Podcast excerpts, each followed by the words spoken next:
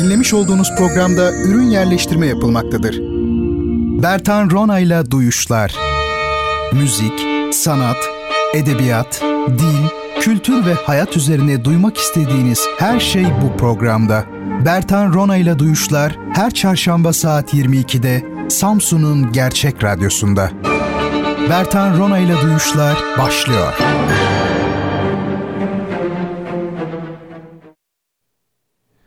Sevgili dinleyicilerim hepinize iyi geceler diliyorum. Görüşmeyeli hepinizin iyi olduğunu ümit ediyorum. Hürmet ve muhabbetle hepinizi e, selamlıyorum. E, Bertan Rona ile Duyuşlar programındasınız.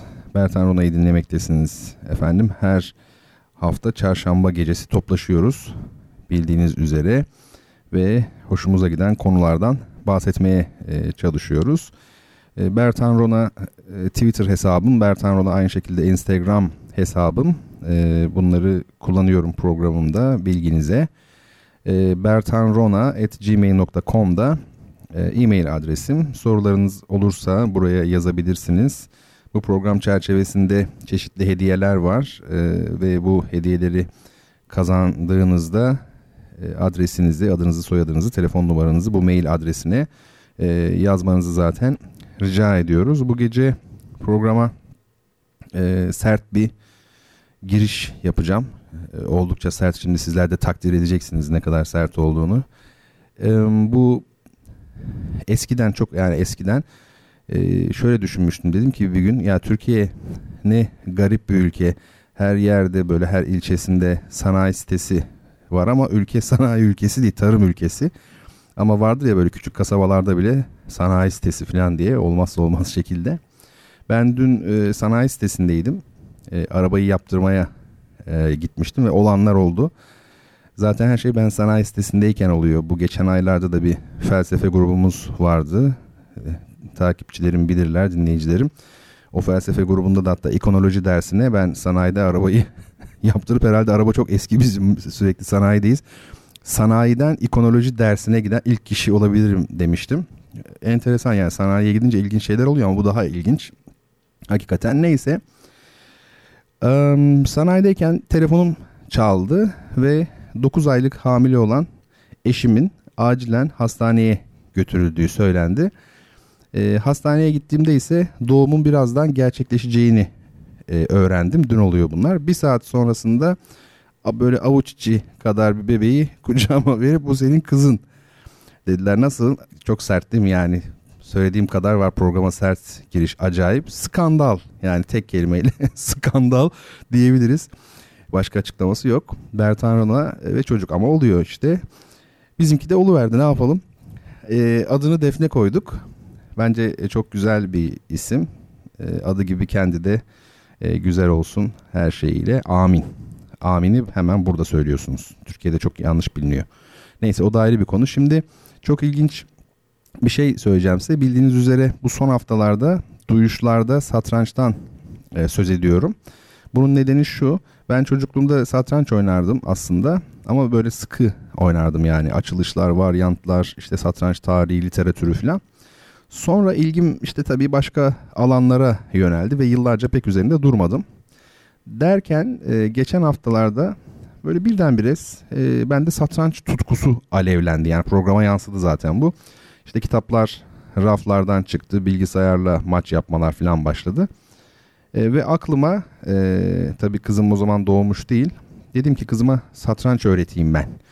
Ondan sonra belli bir yaşa gelince işte güzelce öğretsem, karşılıklı işte maç yapsak, sonra da onu turnuvalara götürsem falan diye böyle hayal e, kurmaya başladım. Neyse uzatmayayım. E, geçen hafta da internet üzerinden kendi çocukluğumun nostaljik satranç kitaplarından birkaçını sipariş ettim. Kahraman Olgaç'ın bilenler bilir 7 ciltlik satranç serisi.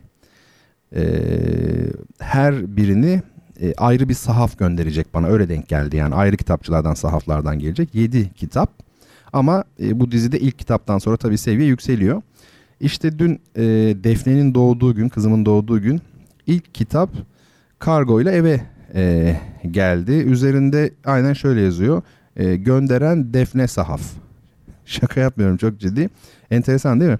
Kitapçının adı Defne. Sonra e, kitabı açıp bir baktım bu 7 kitaplık diziden birincisi gelmiş. Yani Satranç Öğrenelim adlı kitap. Hiç bilmeyen çocuklara sıfırdan öğretiyor yani. işte piyon şöyle gider, şah böyle gider falan. O seviye yani sıfır. E, dolayısıyla çok ilginç oldu. E, kızımın dünyaya geldiği gün eve Defne Sahaf'tan adını Defne koyduğumuz kızımızın dünyaya geldiği gün Defne Sahaf'tan satranç öğrenelim kitabı e, gelmiş oldu. Bunda bir hikmet vardır diyerek bu gece kitap hediyelerimizin yanında sizlere bir büyük hediye daha vermeye karar verdim. Uluslararası standartlarda yani turnuvalarda kullanılan şampiyonların bile oynadığı ölçülerdeki e, böyle ergonomik bir e, satranç takımı siz sevgili dinleyicilerimden birini bekliyor. Kızımın onuruna bu hediyeyi veriyorum. Muşamba tahtası var. Muşamba tahta demek yani tahta derken yani oynadığınız kısmı üzerinde oynadığınız e, parçası ama muşamba yapılıyor o. Her yere serebiliyorsunuz. Rulo yaptığınızda da çantası var. Çok güzel bir şekilde sırt çantası olarak ufak hafif taşıyabiliyorsunuz. Taşlarda devrilmiyor. E, bunları şunun için anlatıyorum. Uluslararası Satranç Federasyonu'nun standartları böyle. Çok hoş hakikaten. Fotoğrafını paylaştım bakabilirsiniz. Hollanda yapımı çok e, hoş. E, bu gece öncelikle onu hediye edeceğim. E, soracağım bir sorunun doğru cevabını ilk veren dinleyicime her zaman olduğu gibi. Şimdi bu konuyu toparlayalım artık. Kızımın mutlu, dürüst, insanlara yararlı ve donanımlı bir insan olmasını diliyorum. Ve onu Allah'a ısmarlıyorum, emanet ediyorum. E, bu dört özelliği düşündüğümde bunlar bunları buldum yani. Ne önemlidir bunlar? Mutlu olsun, dürüst olsun, insanlara yararlı olsun, kendine ve insanlara ve donanımlı bir insan e, olsun. Böyle güzel bir bebeği bana hediye eden eşime duyduğum hisleri kelimelerle tabii anlatamam. Nergiz'cim seni çok seviyorum. Kızım seni de çok seviyorum. Sen şu an tabii uyku, süt ve e, gazdan oluşan kendi dünyandasın. Bunların farkında değilsin ama yıllar sonra Allah nasip eder de büyürsen bu programın kaydını dinlersin ve babam amma manyak adammış dersin. Biz de o günlerde inşallah seninle güzel şeyler yapıyor oluruz. Şimdi tabii ben özel hayatımla ilgili bazı şeyleri sizlerle paylaşmış oldum. Normalde e, beni tanımışsınızdır. Böyle tarzım değil. Akla şöyle bir soru gelebilir. Canlı yayında herkesi dinlerken nasıl böyle rahat anlatıyorsun? Ama hiç endişelenmeyin çünkü biliyor musunuz eğer iyi, güzel, doğru bir şeyler söylüyorsanız bütün dünyaya bile söyleseniz zaten kimse duymuyor ve anlamıyor. Buna emin olun. Ee, bu dünyada insanı yalnızlığa mahkum eden bu durumun böyle güzel bir tarafı da var. Yani tamam kimse beni anlamıyor diyorsunuz e, filan vesaire ama e, başkaları da sizi anlamıyor. O yüzden böyle e, hani kalabalıkların içinde olup da görünmemek vardır ya öyle bir duygu, güzel bir duygu. Ne demiş Aşık Veysel? Neler demiş ki Veysel neler satar narhı belirsiz ne müşteri gördüm ne hesap gördüm. Yani alanı çıkmadı diyor. Çok güzel şeyler satarım ama alanı çıkmadı diyor. Ee, geçen haftalarda konuşmuştuk hani adam hem şair olayım diyor hem de alemlerden alemlere işte ödüllerden ödüllere Cix edebiyat ortamlarından ortamlara akayım diyor. Yok ya öyle yağma yok. Ee, Mozart'ın, Van Gogh'un, Nazım Hikmet'in çektiklerine sen de razı olacaksın kardeşim nokta. Onu söyleyelim. Evet bu gece uzun bir program olacak. Ee, baba olduğum için çok böyle heyecanlıyım. O yüzden de güzel bir giriş yaptım. 5-6 tane müzik aralı uzun bir program. İlk müzik olarak da yine çok ilginç bir tevafuk oldu. Fark etmişsinizdir birkaç hafta önce jenerik müziğimizi değiştirdik. Daha tam ayarlayamadık. Daha güzel bir kısmını koyacağız ama Saint-Saëns, Fransız besteci Saint-Saëns'ın Ölüm Dansı isimli eserini seçtik. Ben seçtim yani. İki hafta önce ise hatırlarsınız tam iki hafta önce duyuşlarda Beethoven'dan bir parça dinleyerek onu görselleştirmeye çalışmıştık. Yani koreografik bir hale sokmuştuk. Şimdi Saint-Saëns'ın bu jenerik olarak seçtiğimiz parçası ile aynı şeyi yapacağız. Ben yıllar önce e, onu bu parçayı e, bir bebeğin doğumu ile ilişkilendirmiştim. Şaka yapmıyorum bu da enteresan oldu yani. Hakikaten yaklaşık 2-3 hafta evvel jeneriği ben değiştirmek istedim ve o da bir doğumla ilgili bir koreografi şeklinde yazdığım bir müzikti. Adı Ölüm Dansı ya böyle bir hayat döngüsü şeklinde yani. Bu da kızım içinmiş demek ki. Bunu Beethoven'dan daha çok beğeneceğinizi e, düşünüyorum. Satranç takımı hediyeli sorum müzikten sonra gelecek. Şimdi siz e, Sen Sans'ın Ölüm Dansı adlı eserini benim sizler için Instagram'a yüklediğim metinle beraber dinleyeceksiniz. Tabi saatlerinizi de ayarlayarak orada minütaj yazıyor yani. e, metinde not düşülmüş olan minütajlara göre yazanları e, kafanızda canlandırabilirsiniz. Bunu yapacağız. Şimdi değil. Önce önce caz efsanesi gitarcı Django Reinhardt ile kemancı Stefan Grappelli'nin çok ünlü olan Daphne yani Defne isimli parçasını dinleyeceğiz. Niye, niye onu seçtiğimi herhalde söylememe gerek yok. Günün mana ve ehemmiyetine binaen 1940'lı yılların e, müziği olan bu parçayı kızıma armağan ediyorum. Dilerim ki hayatı bu parça gibi renkli geçer. Önce bu parçayı dinleyelim ardından e, beraber olup hemen Saint-Saëns'ın e, eserine e, geçeceğiz. Ben buradayım efendim.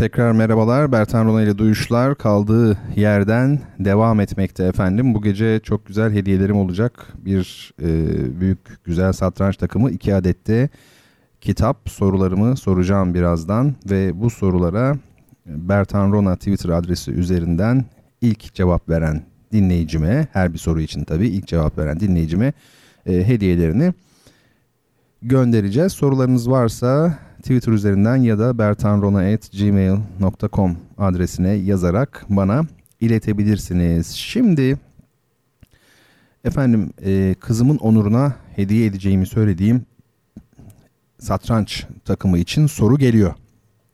Bakalım bu soruyu ilk kim cevaplayacak?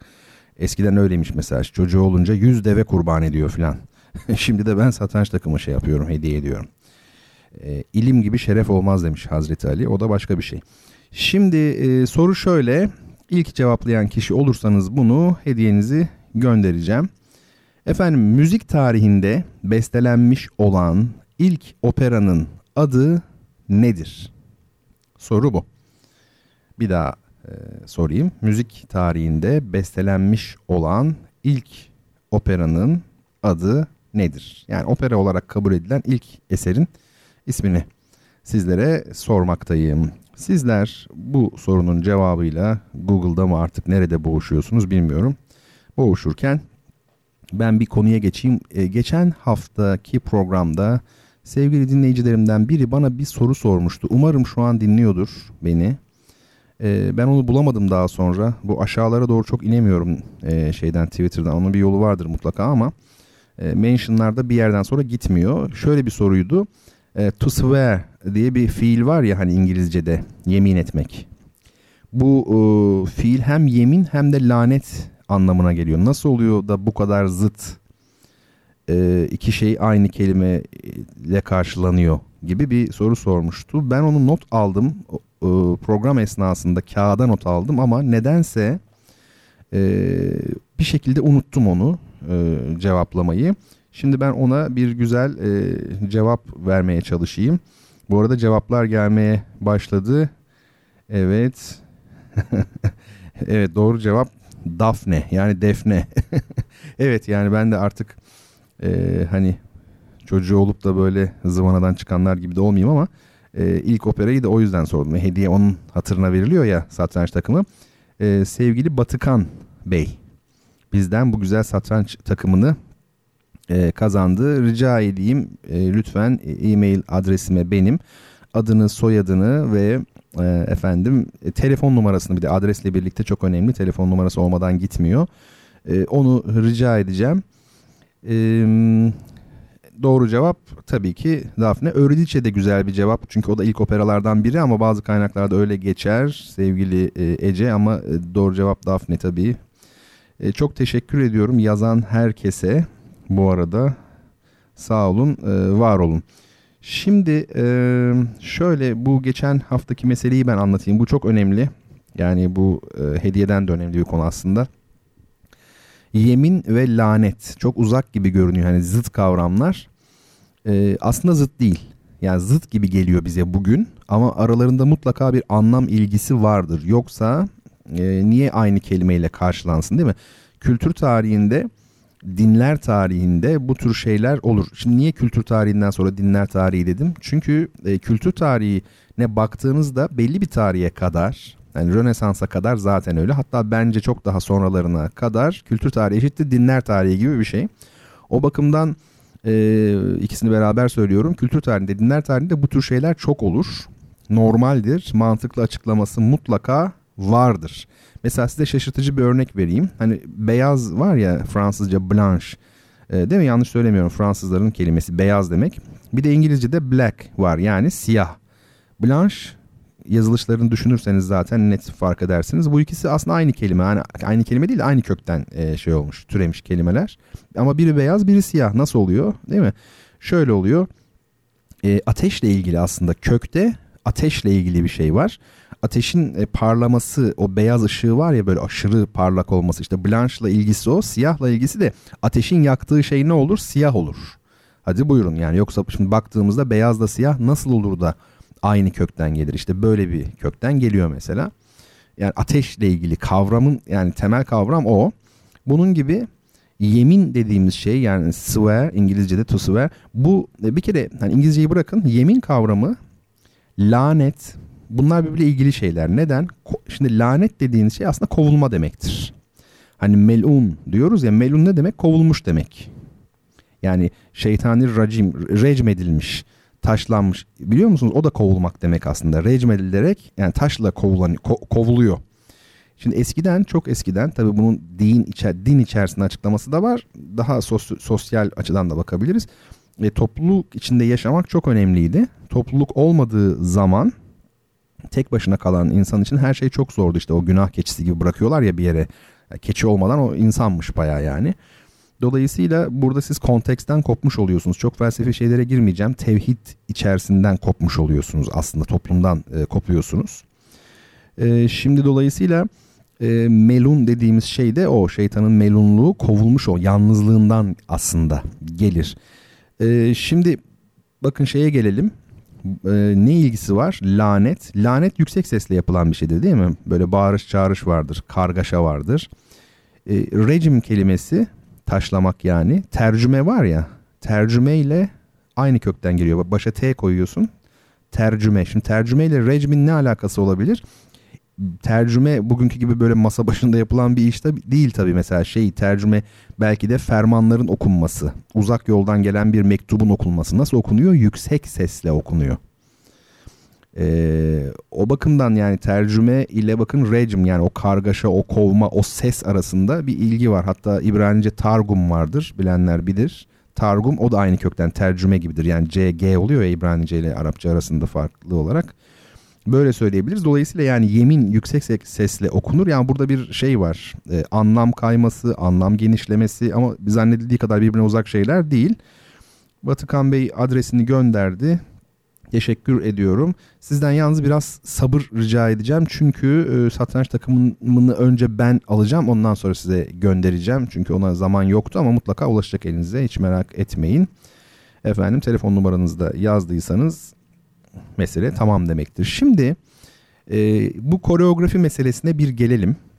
Beethoven'ı dinlerken bir koreografi kafamızda canlandırmaya çalışmıştık hatırlarsanız. Nurhayat Hanım da Jacopo Peri Defne demiş. Doğru cevap. Evet haklısınız ama işte ilk Batıkan Bey yazdı.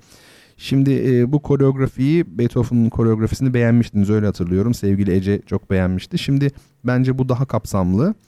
Saatler hazır mı? Kronometreler hazır mı? Kronometreye gerek yok yani saat telefonun saati olsa yeterli. Ben şimdi metni göndereyim artık. Şu an hazırda paylaşayım sizinle. Şu an paylaştım. Hem Instagram'da hem de Twitter'da görüyor olmalısınız. Orada minütaj olarak dakikaları var. Müzik çalmaya başlayacak ve e, bir orada hikaye var tasavvur e, halinde. E, kafamızda bakalım e, şey yapabilecek miyiz? Bunu canlandırabilecek miyiz? Özellikle uzatıyorum ki saati hazır olmayanlar uzatsınlar. Bazı spikerler vardır ya böyle hani uzatması gerekir falan. Yazık böyle hani dakikalarca falan nasıl kıvranır nasıl kıvranır. Değil mi? Evet şu an e, yayınlanmış durumda hem Instagram'da hem de Twitter'da görüyorum. O halde Sen Sans'ın ölüm dansını dinleyelim ve bunun bir doğumla olan e, ilişkisine bakalım. E, müziğin ardından e, böyle yepyeni takım konularla devam edeceğiz. Bugün enteresan bir program olacak demiştim. Hadi bakalım müziği dinliyoruz şimdi.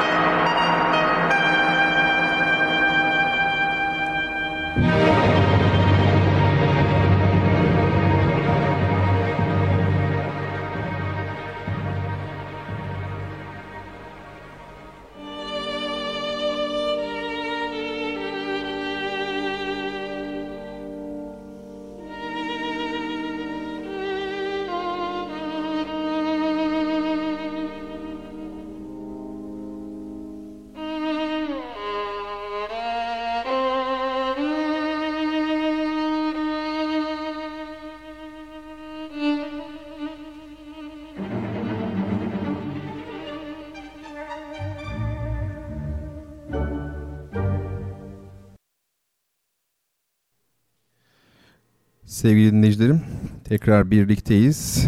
E, Dans Macabre e, Camille Saint-Saëns Fransız e, bestekar. Onun ünlü eseri Ölüm Dansı olarak çevrilebilir e, belki. Böyle bir e, koreografik deneme yapmış olduk. Nasıl buldunuz? Beğendiniz mi?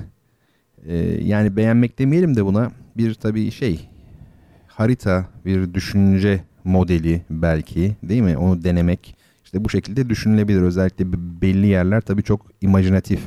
Özellikle işte çocuğun doğduğu yer değil mi? Böyle orada bir oboa partisi var. Genel anlamda e, bence her e, müzik dinlendiğinde e, Ece çok beğenmiş. Peki Ececiğim senin beğeneceğini biliyordum zaten. Her müzik aslında dinlendiğinde e, böyle bir e, çağrışımlar bu şekilde çeşit çağrışımlar yapar birazcık e, kurcalamak tabii size kalmış bir şey. Bunu şey yapabilirsiniz, e, yapabilirsiniz her zaman. Şimdi e, hediye edilecek kitaplarımızı da paylaştım ben hem Twitter'dan hem Instagram'dan.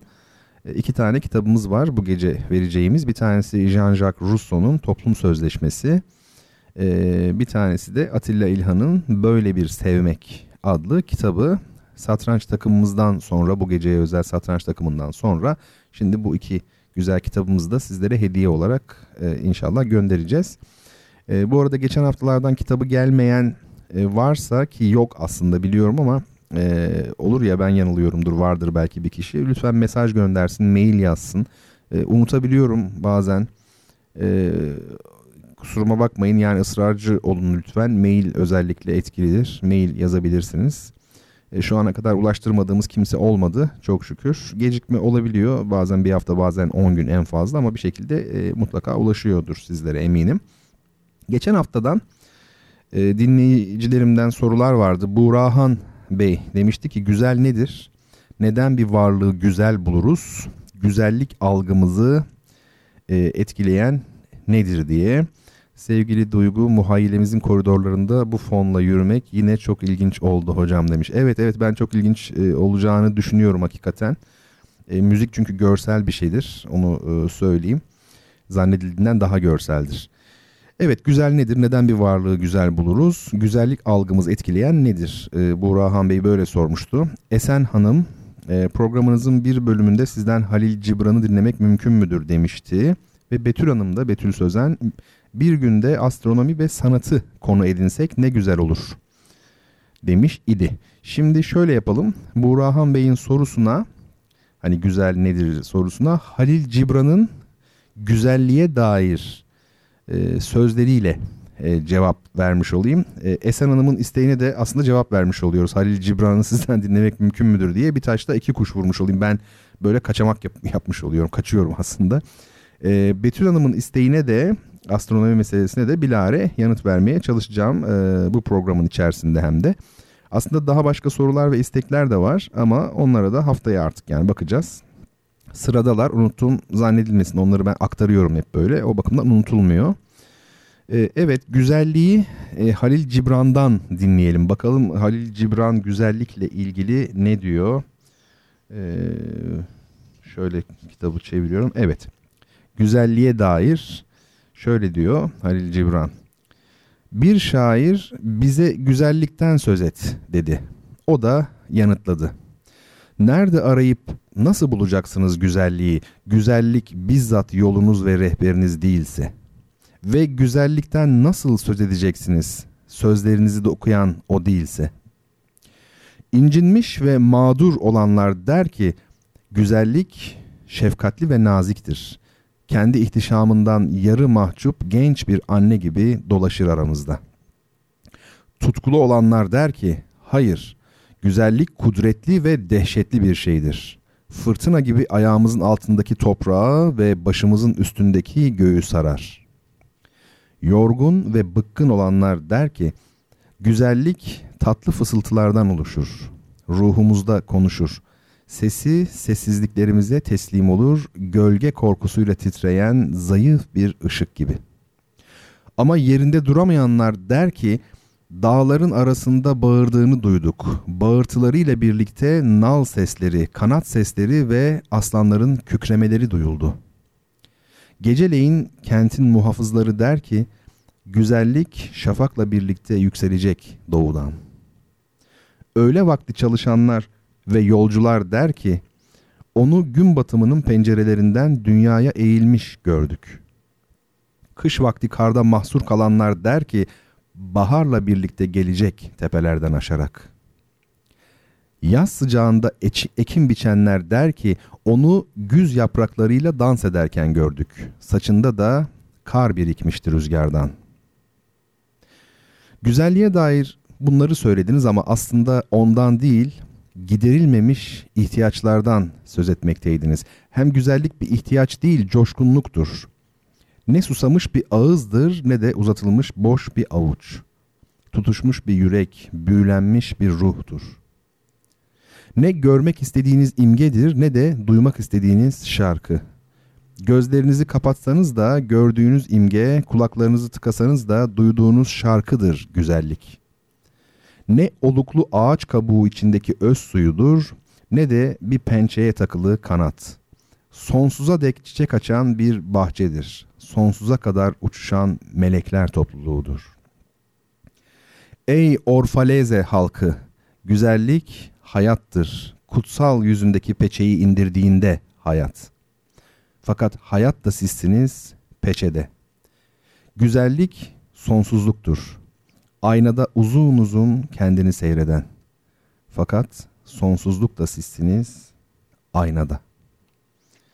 Evet, çok şiirsel tabii ve e, düşünsel yönü de kuvvetli ifadeler. Biz Halil Cibran'ın Ermiş adlı ünlü kitabından e, Güzelliğe Dair adlı e, pasajı okumuş olduk. Böylelikle Burhan Bey'in sorusuyla Esen Hanım'ın sorusunu birleştirmeye çalıştım kendi çapımda kaçıyorum. Kaçmıyorum aslında e, çok konu var. Şöyle diyeyim bu güzellikle ilgili olarak çok çok çok kısa böyle iki cümle sadece. Şunu bilmek lazım en azından yani e, yararcılık işlevselcilik yani bu bir ekol öyle düşünelim yararcı ve işlevselci anlayış ile bir tarafta da idealizm var. Yani bir tarafta yararcılık, işlevselcilik, bir tarafta idealizm var. Güzellikle ilgili olarak ne demek bu? Yani biz işimize yarayan, değil mi? işlevsel olan şeye güzel deriz. Mesela bir kadın güzeldir çünkü doğurganlık yani tabiat öyle e, programlamış işte doğurganlık var e, filan mesela gibi değil mi? O yüzden güzel diyoruz. Ama bir taraftan da e, idealist bir açıklama var. O da tam tersini söylüyor. Yararcı değil. Mesela Fontenelle'in sözü var. E, güzellik kanıt gerektirmez diyor. İyilik kanıt gerektirir. Öyle ya yani iyilik kanıt gerektirir ama güzellik hakikaten de görseldir çünkü. Görsel olanın kanıta ihtiyacı yoktur. E, bu önemli. Gözel diyoruz ya gözle ilgili yani güzel değil gözel aslı. E, gözle e, ilgili yani yararcılık var bir de amacına uygun olma gibi konular var. Çok çok uzun uzun e, gider.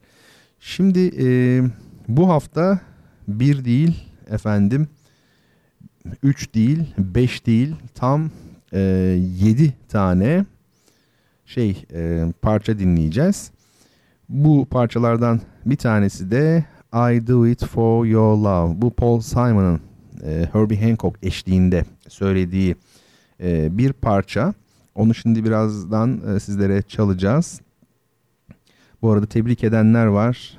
Çok sevgili dinleyicilerimden Selim Bey Allah analı babalı sağlıklı büyütsün hocam. Tebrik ederim. Aa çok zarifsiniz gerçekten. Bir de Defne e, yazmış. Çok teşekkür ediyorum. Sağ olun. E, cümlemizin inşallah. Sevgili Duygu'nun mesajını okumuştum zaten. E, Ramazan Cesur Bayram Bey bir soru işareti koymuş. Acaba neyi kastediyor? Bir bakayım bir şey mi unuttum ben yoksa? Aa evet evet e, bu, bu, bunu mu konuşacaktık? Tamam. Şimdi iyi oldu yani o. Tamam. Umarım bu gece olur ama artık unutmam yani ona emin olabilirsiniz. Ee, sevgili Ece demiş ki bu kesinlikle çok daha güzeldi demiş Beethoven'a göre herhalde. Fakat bir aşkın kronolojisi yaylı çalgılar ve piyano olarak takip edilebiliyordu. Bu daha girintili ve çok daha karmaşık sesler içeriyordu sanırım. Ve bu daha da güzel olmasını sağlıyor galiba. Devamını bekliyoruz. Ben de bekliyorum devamını kendimden. Tabii bu orkestral bir eser. Öbürü o da aslında piyano konçertosu ama yaylılar vardı sadece. Ve bir de piyano vardı. Çok daha tabii e, sadeydi. Evet şimdi bu tabii e, I Do It For Your Love çok beğeneceksiniz. Bu çok duygusal ama böyle buruk bir duygusallık. Paul Simon'ın ses rengini bilirsiniz. Parçayı da kendi bestelemiş böyle değişik bir e, havası var gerçekten parçanın e, hissedeceksiniz. Ben yıllar evvel bu CD'yi satın alırken e, bir baktım CD'nin kapağı böyle kıpkırmızı bir CD şey yazıyor. Herbie Hancock şey Possibilities işte imkanlar yani Possibilities ve hani cazcı olduğu için Herbie Hancock dünyanın parasını verip almıştım. Abi geldim eve pop caz var içinde. Baya işte Christina Aguilera falan var ya işte Paul Simon falan söylüyor. İlk başta hayal kırıklığına tabii uğradım. Ya baktım bu müzik de güzel tabii hani pop caz hiç kötü değil ama ben trio beklemiştim böyle aslında. E, böyle isimler işte böyle adamı kandırabilirler. Yani Herbie Hancock yazılıyorsa o CD satılır tabii ki. Bilen alır onu. E, böyle bir şey e, durum pop caz var ama çok kaliteli bir pop caz.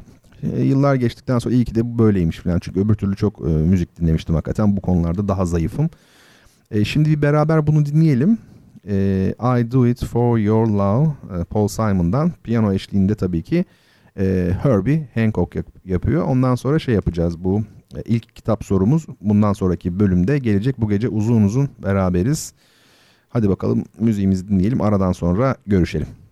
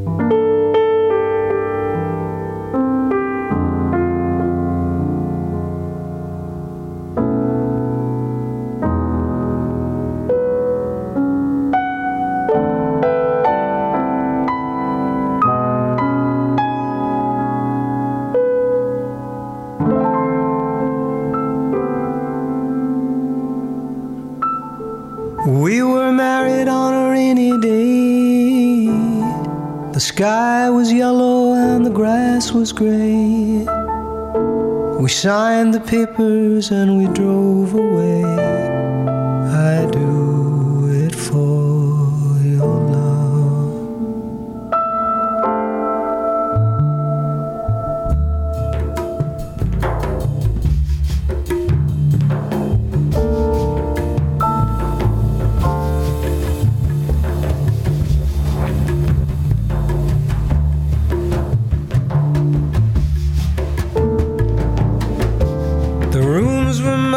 and the pipes were cold. All that winter we shared a cold.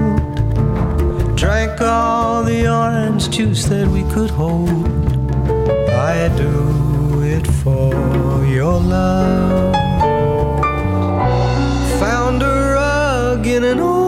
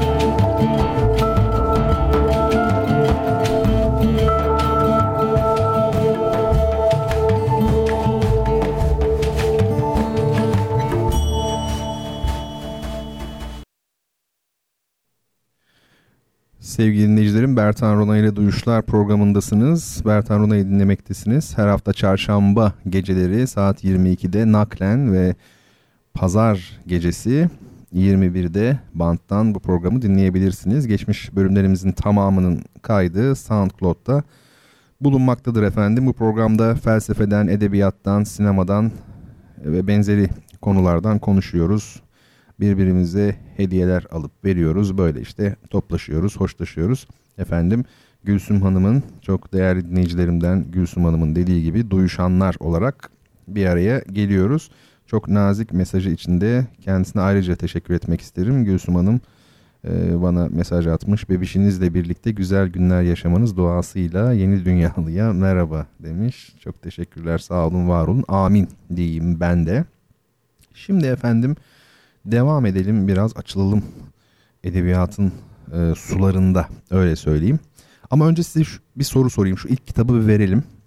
E, Jean-Jacques Rousseau'nun Toplum Sözleşmesi kitabını e, almak istiyorsanız bu sorunun cevabını yazan ilk kişi olmanız gerekmektedir. Hayat acımasızdır. Böyle. Şimdi soru çok basit yani çok kısa sorular seçtim yani basit derken belki cevabı basit değil soru basit olup cevabı basit olmayabilir bir de öyle bir şey var hayatta. Kısa bir soru. Çıplak gözle dünyadan görülebilen en uzak gök cismi hangisidir? Çıplak gözle dünyadan görülebilen en uzak gök cismi hangisidir? Sorumuz budur efendim. Sizler yine boğuşmaya başladınız herhalde. Devam edin. Ee, ama bu şimdi konuşacağımız konuları da sakın kaçırmayın. Bakın bunlar çok önemli. Üzgünüm Leyla dosyasını açıyorum. Ne demek Üzgünüm Leyla dosyası? Edebiyatla haşır neşir olanlar tabi hemen anlamışlardır. O da şu. E, Behçet Necatigil'in ünlü bir dizesidir bu. Mısrağıdır. Aynı zamanda Cemal Süreyya'nın o çok ünlü Şapkam Dolu Çiçekle adlı kitabında Behçet Necatigil üzerine yazmış olduğu iki ayrı yazının başlığıdır. Daha doğrusu biri 1957, biri de 1980 tarihli e, dergi yazıları tabii bunlar veya gazete neyse. E, bu Şapkam Dolu Çiçekle kitabında bu tür yazılar bir araya getirildiği için aynı kitaba girmiş oluyor tabii. Derleme bir kitap çünkü. Aslen yazı e, bunlar. Şimdi e, bu şeyi yapacağız. E, 1980 tarihli yazıyı e, hem okuyacağız hem de bir taraftan e, Behçet Necatigil'in şiirinden e, de e, okuyacağız. Hatta önce şey yapayım. Neymiş bu ünlü dize? Cemal Süreya diyor ki Behçet Necatigil deyince ben bu dizeyi anlıyorum diyor. Yani bu dize bana Behçet Necatigil'i çağrıştırıyor diyor ama bunu aslında 1957 yılındaki yazısında belirtmiş.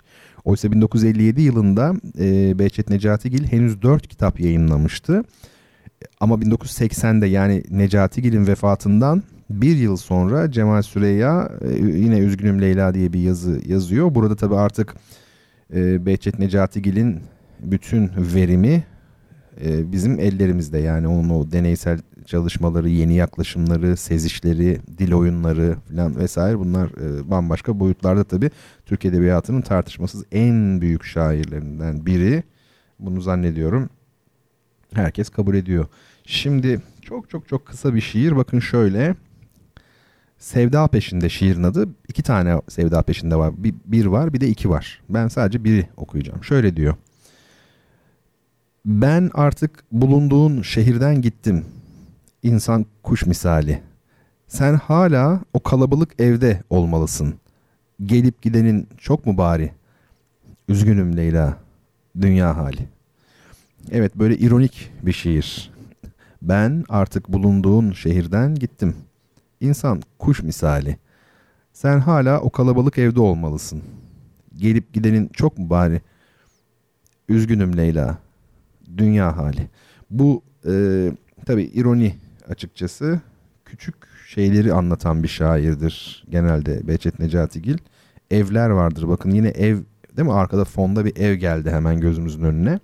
Bakalım Cemal Süreyya ne diyor bu meseleyle ilgili yani Behçet Necatigil'in şiiriyle ilgili. Bakın şöyle Üzgünüm Leyla diye bir şeyi var. Yazısı var. 1900 e, efendime söyleyeyim ya da şunu okuyalım. 57 tarihli olanını okuyalım. Şöyle diyor Cemal Süreyya. Cahit Külebi bir toplulukta kendi kuşağının şairlerinden söz ederken bir galaksiyiz biz demiş. Samanyolu Kanıcısının bu sözleri beni Behçet Necatigil'in galaksi içindeki yerini düşünmeye itiyor. Nedir Necatigil'in şiiri? Nerede duruyor? Sanırım bunun için önce Dağlarca'nın yerine bakmak gerekir. Demiyorum ki Dağlarca onu kendi yörüngesine oturtmuş ama bütün öbür yıldızlarla Dağlarca arasında duruyor Necatigil. Kuşağı içinde hele bir süre Dağlarca'nın tek tanığı. Yine de şiirsel şiirsel e, alışverişi bütün öbürleriyle. Dağlarca bir evren bilinci, daha doğrusu sevinci içinde. Hiçbir şeyi umursamadan dönüp durmakta. Necatigil ise yüzünü öbür tarafa çevirmiş. Ayrımlarını da, benzerliklerini de, öbür şairlerle ilişkilerini de bulacaksınız. Dünyada o. Bir sokakta oturuyor. Evinin numarası var. Mahalle muhtarından konut bildirimi çıkarıyor. Şiiri tedirgin, çekingen, bezgin, yalnız adamın şiiri. İlk çalışmalarında Cahit Sıtkı yoluyla hececilerin etkisi altında. Divan şiirinden parodiler getirmeyi de seviyor. Bu ona kendine özgü bir eğleni havası da kazandırıyor. Çevrede, özellikle de evlerde. Orhan Veli ile arkadaşlarının yanında yer aldıktan sonra o eğleni havası kötümser bir humor halinde iyice ortaya çıkacaktır diye devam ediyor.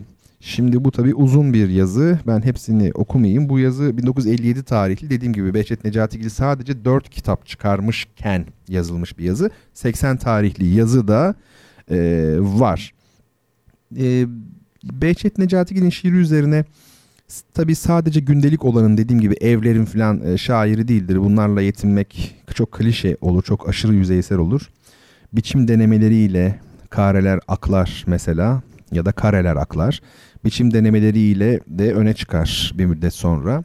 Şunu söyleyelim şiir denen bir varlık var ya e, Behçet Necatigil bunu çok çok rahat yakalayan biri. Çok üretken bir kalemi var e, ama boş yok neredeyse yani inanılmaz inanılmaz bir şey. E, şair kimdir diye sorsalar Behçet Necatigil derdim yani. Muhteşem. Şimdi doğru cevabı açıklayayım. Bu arada bakayım kimler doğru cevabı e, vermiş. Bakalım kim ne yazmış. O kadar zor mu ya sorum? Valla cevap sayısı oldukça e, az. Ece demiş ki ben giriş kısmını biraz kaçırmışım galiba. Canım bebek, güzel bebek hoş geldin. Teşekkür ederim sevgili Ece. Evet bebeğimiz dün dünyaya geldi. Sen bu programın tekrarını en azından baş kısmı için bak pazar günü dinle. Şimdi ee, Betül Hanım Satürn demiş. E, Betül Hanım'ın şimdi şöyle söyleyeyim. E, hediyeyi kazanamamış oldu ama şimdi onun sorusuna cevap vereceğim için detaylı olarak e, teselli ikramiyesi olarak kabul etsin onu. Ona, ona da bir gün mutlaka kitap veririz. Zaten biz bizeyiz. O kadar azız ki mutlaka kitap denk geliyor. Bazı arkadaşlarımız değil mi? 2-3 kitap alıyor en az. Şimdi doğru cevabı veren ilk dinleyicimiz ilk ve tek mi yoksa? Evet ilk ve tek şimdilik yok. Tek olamamış maalesef. E, Mesture Hanım umarım yanlış söylemiyorumdur. Andromeda galaksisi demiş. Tamamıyla doğrudur efendim. E, dünyadan görülebilen en uzak gök cismi Andromeda galaksisidir. Nedenini de söyleyeyim. Andromeda galaksisi yaklaşık 2 milyon ışık yılı uzaklıktadır. Normalde 2 milyon ışık yılı uzaklıktaki bir e, örneğin yıldızın e, çıplak gözle görülme imkanı yoktur. Hiçbir şekilde göremezsiniz çıplak gözle. E, Peki nasıl görülüyor? Çünkü Andromeda koca bir galaksi. Hatta Samanyolu'nun bizim galaksimizin yaklaşık iki katı büyüklükte. Bir trilyon yıldız içeren bir galaksi. Dolayısıyla biz onu bir bulutsu gibi e, bir bulutsu gibi görüyoruz ama o eliptik şekliyle bir galaksi tabii aslında ve bir, bir trilyon yıldız içerdiği için çok aşırı tabii parlak olduğu için e, 2 milyon ışık yılı uzaklıktan görme imkanımız olabiliyor. Mesture Hanım'ı tebrik ediyorum. Ee, Jean-Jacques Rousseau'nun Toplum Sözleşmesi adlı kitabını kendisine göndereceğiz. Ee, lütfedip mail yazarsa adını, soyadını, adresini ve telefon numarasını bana bildirirse bertanrona.gmail.com adresine hemen yarın kargo e, yola e, çıkacaktır. Betül Hanım'ın teselli ikramiyesine e, geçelim. Şöyle astronomi ve sanat demişsiniz, demiştiniz geçen hafta derken Tabii siz ikisinin birbiriyle olan ilişkisini mi kastediyorsunuz? Yani ben onu tam anlayamadım. Yani astronomi ve sanat derken ikisi beraber mi? Ee, siz bunu bana yazana kadar ben de sizden aldığım ilhamla şimdi biraz astronomi üzerine konuşayım. Belki de sorunuzun cevabı e, bu olacaktır. Ee, sevgili Duygucum da hocam gözünüz aydın ne güzel bir haber. Allah analı babalı büyütsün demiş. Devamı da var. Duygu da çocuk doktoru oldu. Duygu, Duygu ile aramı çok iyi tutmak zorundayım bu. Bugünden sonra Allah analı babalı büyütsün. Güp güzel, macera dolu, bereketli, sağlıklı bir ömür olur inşallah miniğin demiş. Amin. Çok teşekkür ederim sevgili Duygu. Sen de artık uzman hekim oluyorsun. Ee, çocuk hastalıkları mütehassısı. Yanlış anlamadıysam seni. Dolayısıyla dediğim gibi e, seninle çok iyi geçinmek zorundayım. E, farklı şehirlerde olsak da bebek hastalanırsa hemen sana koşarız. Güveniyorum çünkü sana çok çok iyi bir hekim olduğunu biliyorum. Şimdi e, efendim astronomi üzerine konuşuyorum. Herkes iyi dinlesin. Önemli bir konudur astronomi. Hakikaten e, konservatuar yıllarındaki tutkularımdan bir tanesi. O da satranç gibi her şeyi el atıp bırakıyorum. Çok tembelim ben ya. İnanılmaz tembeldim. Hayatım boyunca çok tembel oldum. Neyse. Ee, şimdi ben konservatardayken bu astronomi bölümünün kitaplarını bile getirmiştim. Bir arkadaşımın arkadaşı astronomi bölümünde okuyordu. Onları falan biraz okudum. Tabi ağır matematik gerektiriyor başka bir şey ama e, ama popüler olan bana yetiyor yani popüler astronomi. Şimdi bizde şöyle bir şey var.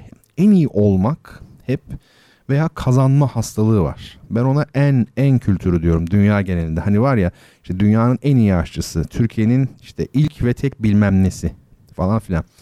Ee, mesela işte Türkiye'nin ilk ve tek çikolata festivali olsun ne bileyim bir süre sonra şimdi ikinci bir çikolata festivali daha başlayınca bu bizimkinin teki düşüyor. Çünkü artık tek değil ama ilk. Elde kapı gibi ilk var. O hiç değişmez. Yani şunu demek istiyorum. Muhakkak farklı olacaksınız. Bir farkınız olacak. Şimdi aslında bu konu çok derin bir konu. Onu size söyleyeyim. Ee, şöyle yani farklı diyorum ama derinliği şurada. Ee, Pierre Bourdieu diyor ki toplumsal kimlik farktadır. Fark ise en büyük tehdit olarak algılanan en yakına karşı vurgulanır. Allah Allah söze bakın yani müthiş. Çok sevdiğim sözlerden biridir ama tabii bizim konumuz bu değil şimdi.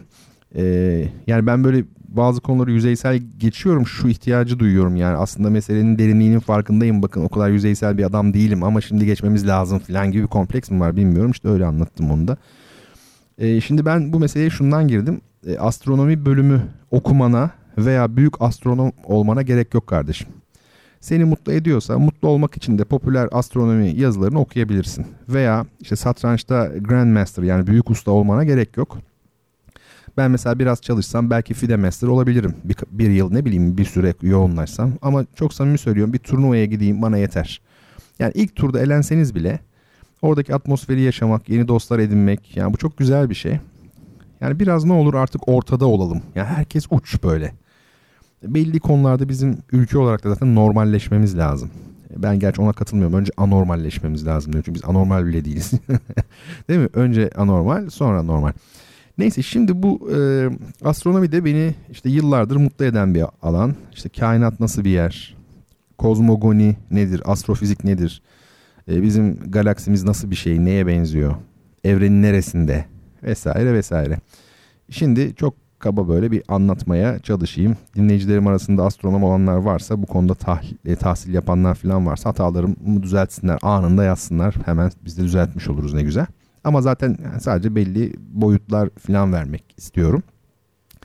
Şimdi şöyle kainatın büyüklüğüyle ilgili e, düşünceyi hani deniyor ya kainat aşırı büyük şöyle büyük falan en basit ölçekte anlatmaya çalışacağım ama yine de büyüklüğü hayal edemeyeceğiz. Yani hiç kimse hayal edemez. Edememiş insanlar bugüne kadar büyüklüğünü hayal. Şöyle söyleyelim. Şimdi e, biz Ay'a gidebildik insan olarak. Ay bizim uydumuz. Şöyle düşünelim. Ay ile dünya arasını bir santimetre kabul eden bir ölçek üzerinde konuşalım. Yani ay ve dünya bir santimetre. Bizim modelimiz böyle yani öyle düşünün. Onu bir santimetreye indirdik. Şimdi bu ölçeğe göre güneş 498 santimetre uzakta oluyor. Yani 5 metre diyelim. Ay bir santimse hayal edin evinizde şu an olduğunuz yerde nerede dinliyorsanız programı sizin bulunduğunuz noktaya bir santim uzak ay var. Ay oradaysa 5 metre ileride güneş olmuş oluyor. Şimdi bizim galaksimizde Samanyolu galaksisinde yıldızlar var.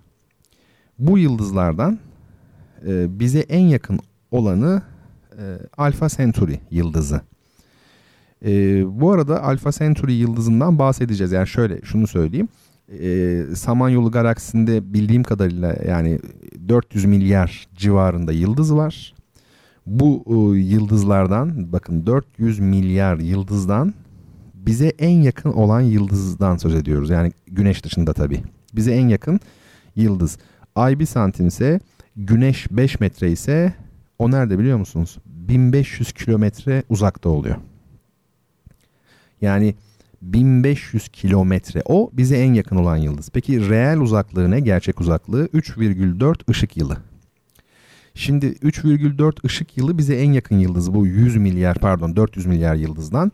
Galaksimizin çapı onu tam bilmiyorum da bildiğim kadarıyla işte yarı çapı veya 120 bin ışık yılı. Yani biz 120 bin ışık yılı çapında veya yarı çapında neyse bir disk şeklinde yıldızlar topluluğunun içindeyiz e, Alpha Centauri yıldızı bize 3 ışık yılı, öbürü 120 bin ışık yılı dikkat. 3 ışık yılı uzaklıkta olan Alpha Centauri bu 1 santimetrelik 5 metrelik modelde 1500 kilometre ileride kalıyor. Bir hayal edin yani karınca bile değilsin Ay'a gitmişsin. 1500 kilometre ilerisi var ve 400 milyar yıldız var Alpha Centauri en yakın olan yıldız. Şimdi bu bir galaksi Samanyolu galaksisi 400 milyar yıldız var. İşte bize en yakın galaksi Andromeda onda 1 trilyon yıldız var. 2 milyon ışık yılı uzaklıkta bize olan uzaklığı. Yani biz gökyüzüne baktığımız zaman Andromeda'nın 2 milyon yıl önceki halini görüyoruz. Çünkü ışığı bize anca geliyor. Güneşin 8 dakika 18 saniye önceki halini görüyorsunuz. Ayın da işte 1 saniye 2 saniye neyse önceki halini görüyorsunuz. Bir ışık saniyesi ayın uzaklığı. Şimdi evrende kaç galaksi var? Yani bu inanılmaz tabii rakamlar e, söz konusu. 300 milyar civarında olduğu söyleniyor. Fakat yeni bir buluşla 2 trilyona çıkacağı söyleniyor bunun. Galaksi sayısı bu dikkat. Ee, inanılacak gibi bir şey e, değil ve e, bizim şu an gözleyebildiğimiz en uzak noktalar 13,6 milyar ışık yılı uzaklıklar. Ne demek bu? Ee, oradan çıkan ışık 13 milyar 600 milyon yılda bize ulaşmış. Uzaklığı o kadar.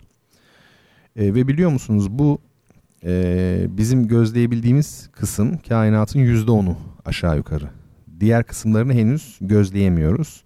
Çünkü Big Bang dediğimiz o büyük patlamanın bir zamanı var. Şöyle düşünün. Sizi şimdi biraz böyle beyin yakma diye bir şey var ya. Bakın şimdi bir Big Bang oldu. Öyle değil mi? Şey oluştu. Galaksiler, malaksiler veya onların ataları neyse işte başlangıçta bir maddeler oluştu büyük patlamayla.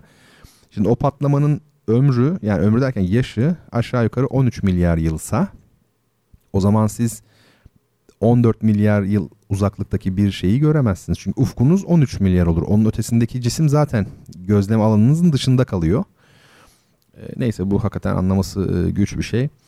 Siz sadece benim modelimi düşünün yeter yani. 1 santimetre uzaklıkta ay, 5 metre uzaklıkta güneş, en yakın yıldız 1500 kilometre uzaklıkta bu modele göre hangi yıldız o? Alfa Centauri yani gerçekte bize 3 ışık yılı uzaklıkta ve bizim galaksimizin e, boyutları 120 bin ışık yılı kadar. Ve o da kainattaki e, 100 milyarlarca belki trilyon e, civarı galaksiden sadece e, bir tanesi. İnanılır gibi değil. Şimdi bir e, müziğe gideceğiz. Betül Hanım şöyle demiş. Sanat ve astronomiyi bağdaştırabilir miyiz? Bunun hakkında konuşmak istemiştim. Ayrıca çok teşekkür ederim. Çok memnun oldum. Kızınız da hoş gelmiş. Hayırlı uzun ömürler diliyorum. Amin. Çok teşekkür ederim. Sağ olun, var olun. Ee, sağ olun. Şöyle bir bakalım. Sanatla e, astronomiyi bağdaştırabilir miyiz ama hangi açıdan? Şimdi ben de sizi çok zorluyor gibi olmayayım yani. Bir türlü soru beğenmiyor gibi. Yani sanatla astronomi tam olarak düşüncenizi biraz daha açarsanız çok memnun e, olurum. E, şimdi gelin müzik dinleyelim bir tane. Bu arada ben size şeyi gönderecektim. Onu unuttum. Hatta onu hemen şimdi göndereyim. Gerçi çok anlamlı değil. Siz zaten internetten falan bakarsınız ama size Andromeda'nın da fotoğrafını göndereyim. Birisi de Instagram'da Artvin'i göndermiş. Artvin'de var, Andromeda'da var yani ikisi de var. Peki şimdi Honegger diye bir Fransız besteci var. Çok iyi bir bestecidir. Modern e, bestecilerden biri. Çok iyi hakikaten. Onun bir liturjik senfonisi vardır. Liturjik bu din şeyiyle ilgili yani. Onun birinci bölümünü dinleyeceğiz. Berlin Filarmoni Orkestrası e, seslendiriyor. Orkestra şefi e, Herbert von Karajan. Biz bunu dinleyelim. Sorularla, cevaplarla, hediyelerle, e, fotoğraflarla dolu programımız devam etsin. Görüşmek üzere.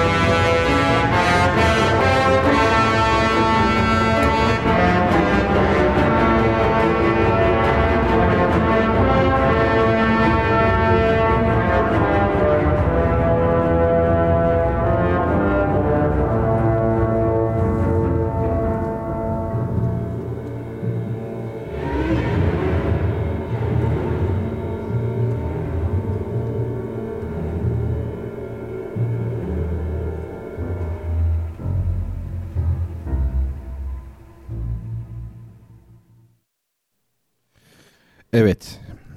Gecenin bu saatinde Honegger dinlemiş olduk birlikte. O bir şey değil de ondan sonra şimdi Necdet Yaşar'ın Tambur e, Mahur Tambur Taksimini dinleyeceğiz. Herhalde bizden başka bunları arka arkaya hiçbir programda denk gelmemiştir. Ee, dediğim gibi bir müzik yani klasik Türk musikisi e, ni sevmeyenin ben çok sesli müziği de batı müziğini de e, sevebileceğini hiç, hiçbir zaman inanmadım veya tam tersi. Çünkü iyi müzik iyi müziktir yani fark etmez onun kendi bağlamı içinde kendi konteksti içerisinde sistemi protokolleri kendine e, göre e, bu kapsamda yani iyi olması önemli. Honegger çok iyiydi. Şimdi mesela birazdan şimdi Necdet Yaşar dinleyeceğiz. O da çok iyi. Ne yapalım yani? İyiyken yalan mı söyleyeyim yani biri kötü falan mı diyeyim. Onu da yapan vardır ha kesin. Yani nefret ettiği için kötü diyor falan. Aslında iyi olduğunu biliyor falan. Ebu Cehil gibi. Neyse tabii kibir öyle bir acayip bir şeydir. Şimdi e, şöyle e, Necdet Yaşar 1930'da şeyde doğuyor. Nizip'te. Gaziantep'in e, Nizip ilçesinde. İlginç adliyede katiplik, dava vekilliği yapan geniş bir plak e, koleksiyonuna sahip olan babası sayesinde müziğe ilgi duyuyor. E, çocukluğunda ilginç olan kısım burası aslında. Aşık Veysel'i dinleyip bağlama çalmaya başlıyor Necdet Yaşar önce. Mesut e, Cemil'in e, tambur çalışını dinledikten sonra da 20 yaşında tambura yöneliyor. Şimdi İstanbul Üniversitesi İktisat Fakültesinde okumuş. Ben burayı önemsiyorum çünkü çok seviyorum yani bunu. E, bakın Türk müziğinde profesyonellik olmaz. E, profesyonellik ve konservatuvar gibi işleri Türk müziğine giydirmeye çalışanlar ve bunda da muvaffak e, olmuş bulunanlar bu müziğe aslında en büyük ihaneti yapmışlardır. E, batı'da da emin olun 100 yıl önce başka alanlarda tahsil yapan müzisyenler çoktu biliyor musunuz? Yani hani Türk musikisinde profesyonellik olmaz diyorum ya. Hani nedir? Başka bir mesleği icra etmek. E, avukattır, efendim tamburidir mesela gibi. E, Türk müziğinde profesyonel olarak o, o alanla ilgilenemezsiniz zaten. Müziğin yapısı buna müsait değil. E, felsefesi buna müsait değil. E, Avrupa'da bu işte çok sesli batı müziği denilen neyse klasik batı müziği denilen müzik var ya işte inanın bana 100 yıl önceki icracılar, büyük e, icracıların büyük kısmı başka alanlarda tahsil yapıyorlardı zaten. Mesela felsefe bölümünü bitirmiş olan piyanistler, efendim mesela mühendis olan bilmem kimler, besteciler falan gibi. E, onu şey yapayım, e, Pamukkale'ye gidiyoruz, yoldayız hocam diyor sevgili Haldun Gergin. Haldun hep yollardasın, Evliya Çelebi gibi e, şefaat ya Resulallah yerine seyahat ya Resulallah diyor ya rüyasında heyecanla. Sen de maşallah hep yollardasın. Yolunuz açık olsun. Çok teşekkür ediyorum. Benden vazgeçmeye. Pamukkale'den selamlar diyor. Aleyküm selam. Dolayısıyla e, başka meslek yapıp da yapmak Türk musikisi açısından önemli bence. E, Türk musikisinde profesyonellik olmaz falan dediğim zaman da tabii kıyamet kopuyor. Ben ona eminim şimdi. Oo, bunu dinleyen olsa beni mesela Türk musikisi erbabı içerisinde ne kızıyordur. Virtüozite olmaz, profesyonellik olmaz, Türk müziğinde bu yoktur falan diye hakaret ettiğini zannediyor. Neden? Çünkü aslında o modelleri giymiş kendisi. Yani kendisi aslında batı müziği gözlükleriyle bakıyor. Virtüözite diye bakıyor.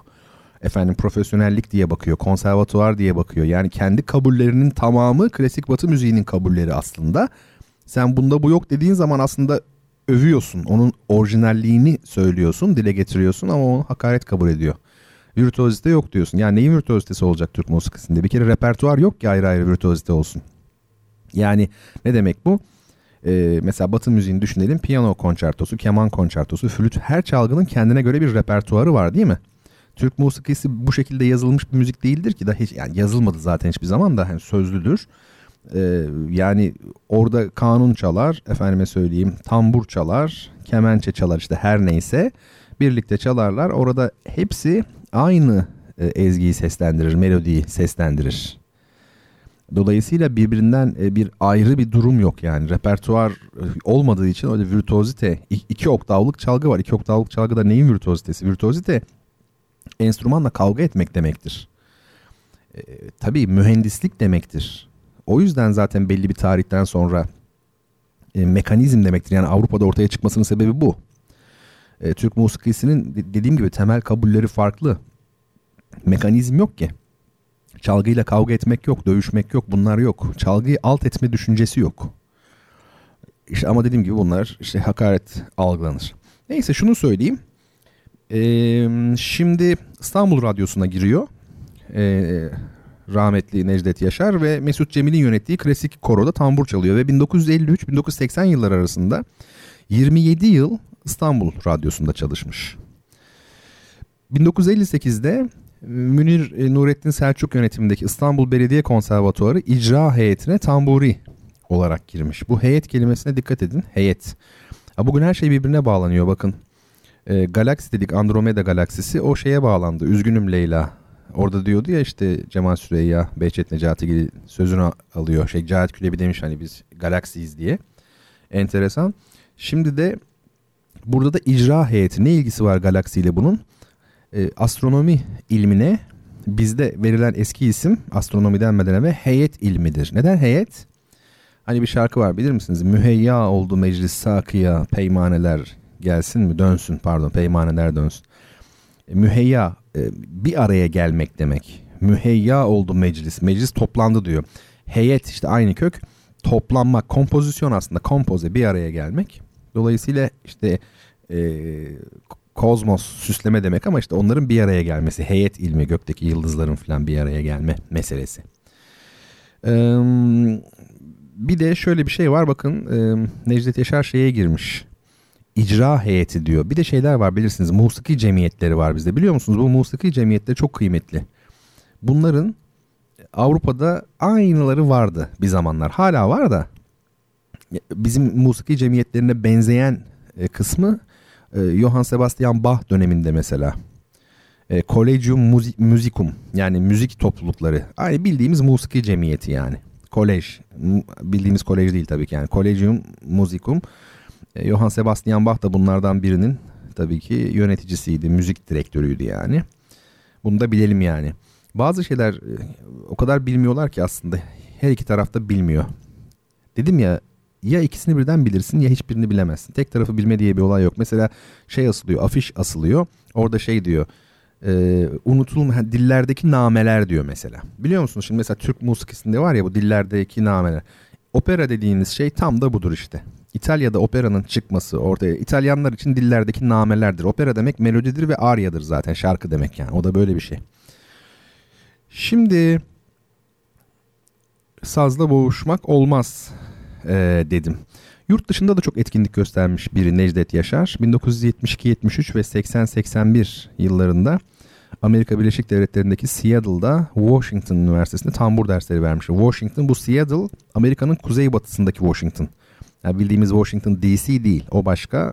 Seattle dediğimiz şey Alaska tarafında yani Pasifik'e bakan. O Washington eyalet var orada.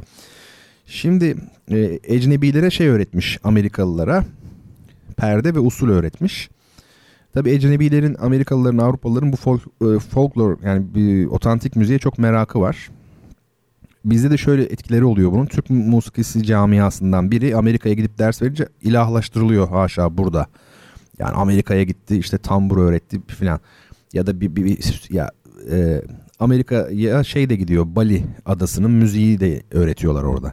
Yani Amerika emperyal bir devlet. Dünyadaki her şeyi biliyor, her kültürü tanıyor. Meraklılar, zenginler, paraları çok, sanat gelişmiş, bilim gelişmiş. Yani tabii ki merak ediyor. Senden daha çok senin kültürünü merak ediyor yani. Bundan kaynaklanıyor. Yoksa çok abartılacak bir durum değil aslında. Ben e, Necdet Yaşar için söylemiyorum. Bir burada tespit yapıyorum. Efendim şimdi başka bilimsel çalışmalar da yapmış. E, 1988'de Hong Kong'da düzenlenen Uluslararası Müzikoloji Kongrelerine tamburi olarak davet edilmiş. Bakın yine burada hep şey var, davet var. Necdet Yaşar Ensemble adlı. Ensemble o da bir araya getirme, toplama işte şeyi. E, kitabı 1991 yılında Kültür Bakanlığı tarafından devlet sanatçısı unvanı ile onurlandırıldı diyor. Ya ben bu onurlandırılma olayı beni rahatsız ediyor. Yani sanatçıya onurlandırılıyor. Devlet sanatçısı olmuş, onurlanmış. Valla bana verseler hakaret kabul ederim. yani çok açık konuşuyorum belki ama başım belaya giriyormuş. Ya onurlan ya sanatçı hiçbir şeyle onurlanmaz. Sanatçı zaten toplumu e, kendi verdiği eserlerle onurlandıran bir kişidir yani.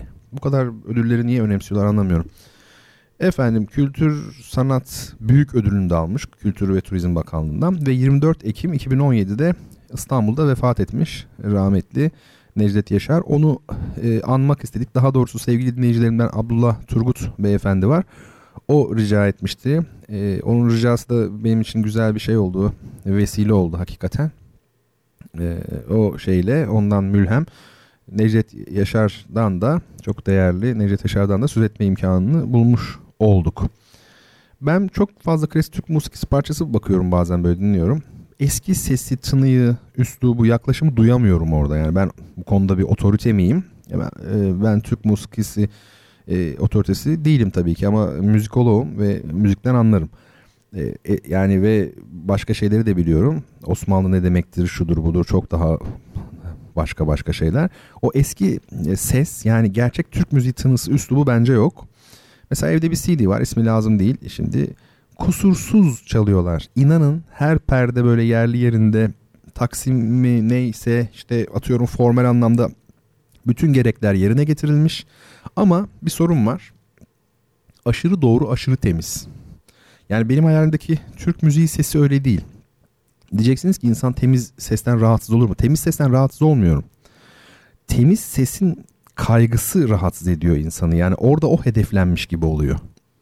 İfade edebildim mi? Yani ince bir şey bu. O yüzden o hakiki olmuyor yani gelmiyor. Mesela minyatürler vardır ya hani e, o dönemde minyatürlere bakıp da işte bu çalgılar vardı, kullanılıyordu diyerek böyle kayıt yapanlar var. Bir dinliyorsunuz ben Hint müziği gibi geliyor bana, İran müziği gibi geliyor gerçekten. Tamam müzik değişir zaman içerisinde. E, ama dediğim gibi Türk musikisi gibi duyulmuyor. Biraz ticari işler gibi geliyor bence. E, virtüözite dediğim gibi Türk müziğinde kesinlikle olmaz. Repertuar yoktur. Türk musikisinin felsefesine aykırı. E, çalgıların yapısı da izin vermez. Bambaşka bir dünyanın müziğidir klasik Türk musikisi. Minyatürler nasıl mesela çok açıldır. Şimdi bu perspektifli resimde siz tamam çok güzel eşyayı kavramış oluyorsunuz. Çıplak gözle baktığınızda gerçek gibi görüyorsunuz. Ama perspektif güzel ama sizi tek bir bakış açısına hapseder perspektif. Minyatürlere baktığınızda üstten mi bakıyorsun alttan mı belli değildir. Çok farklı böyle bütüncül bir yerden bakıyor gibi gelir. E, bunun gibidir yani mesela dizisiz makamlar vardır teknik konulara girmeyeyim ama ne demek dizisiz makam? Dizisi yok ama makam. Şimdi bunu bir e, ecnebinin anlaması imkansız. Hiçbir şekilde anlayamaz. Ve bugün işte işte Supi ezgi sistemi kullanılan Arel ezgi özür dilerim. Arel ezgi sistemi e, tamamen şey bir dizi temelli e, sistem ve çok iç açıcı olmadığı kanaatindeyim. Şimdi her bu arada Türk musikisinde her makamın ciddi bir metafizik manası vardır, manaları vardır.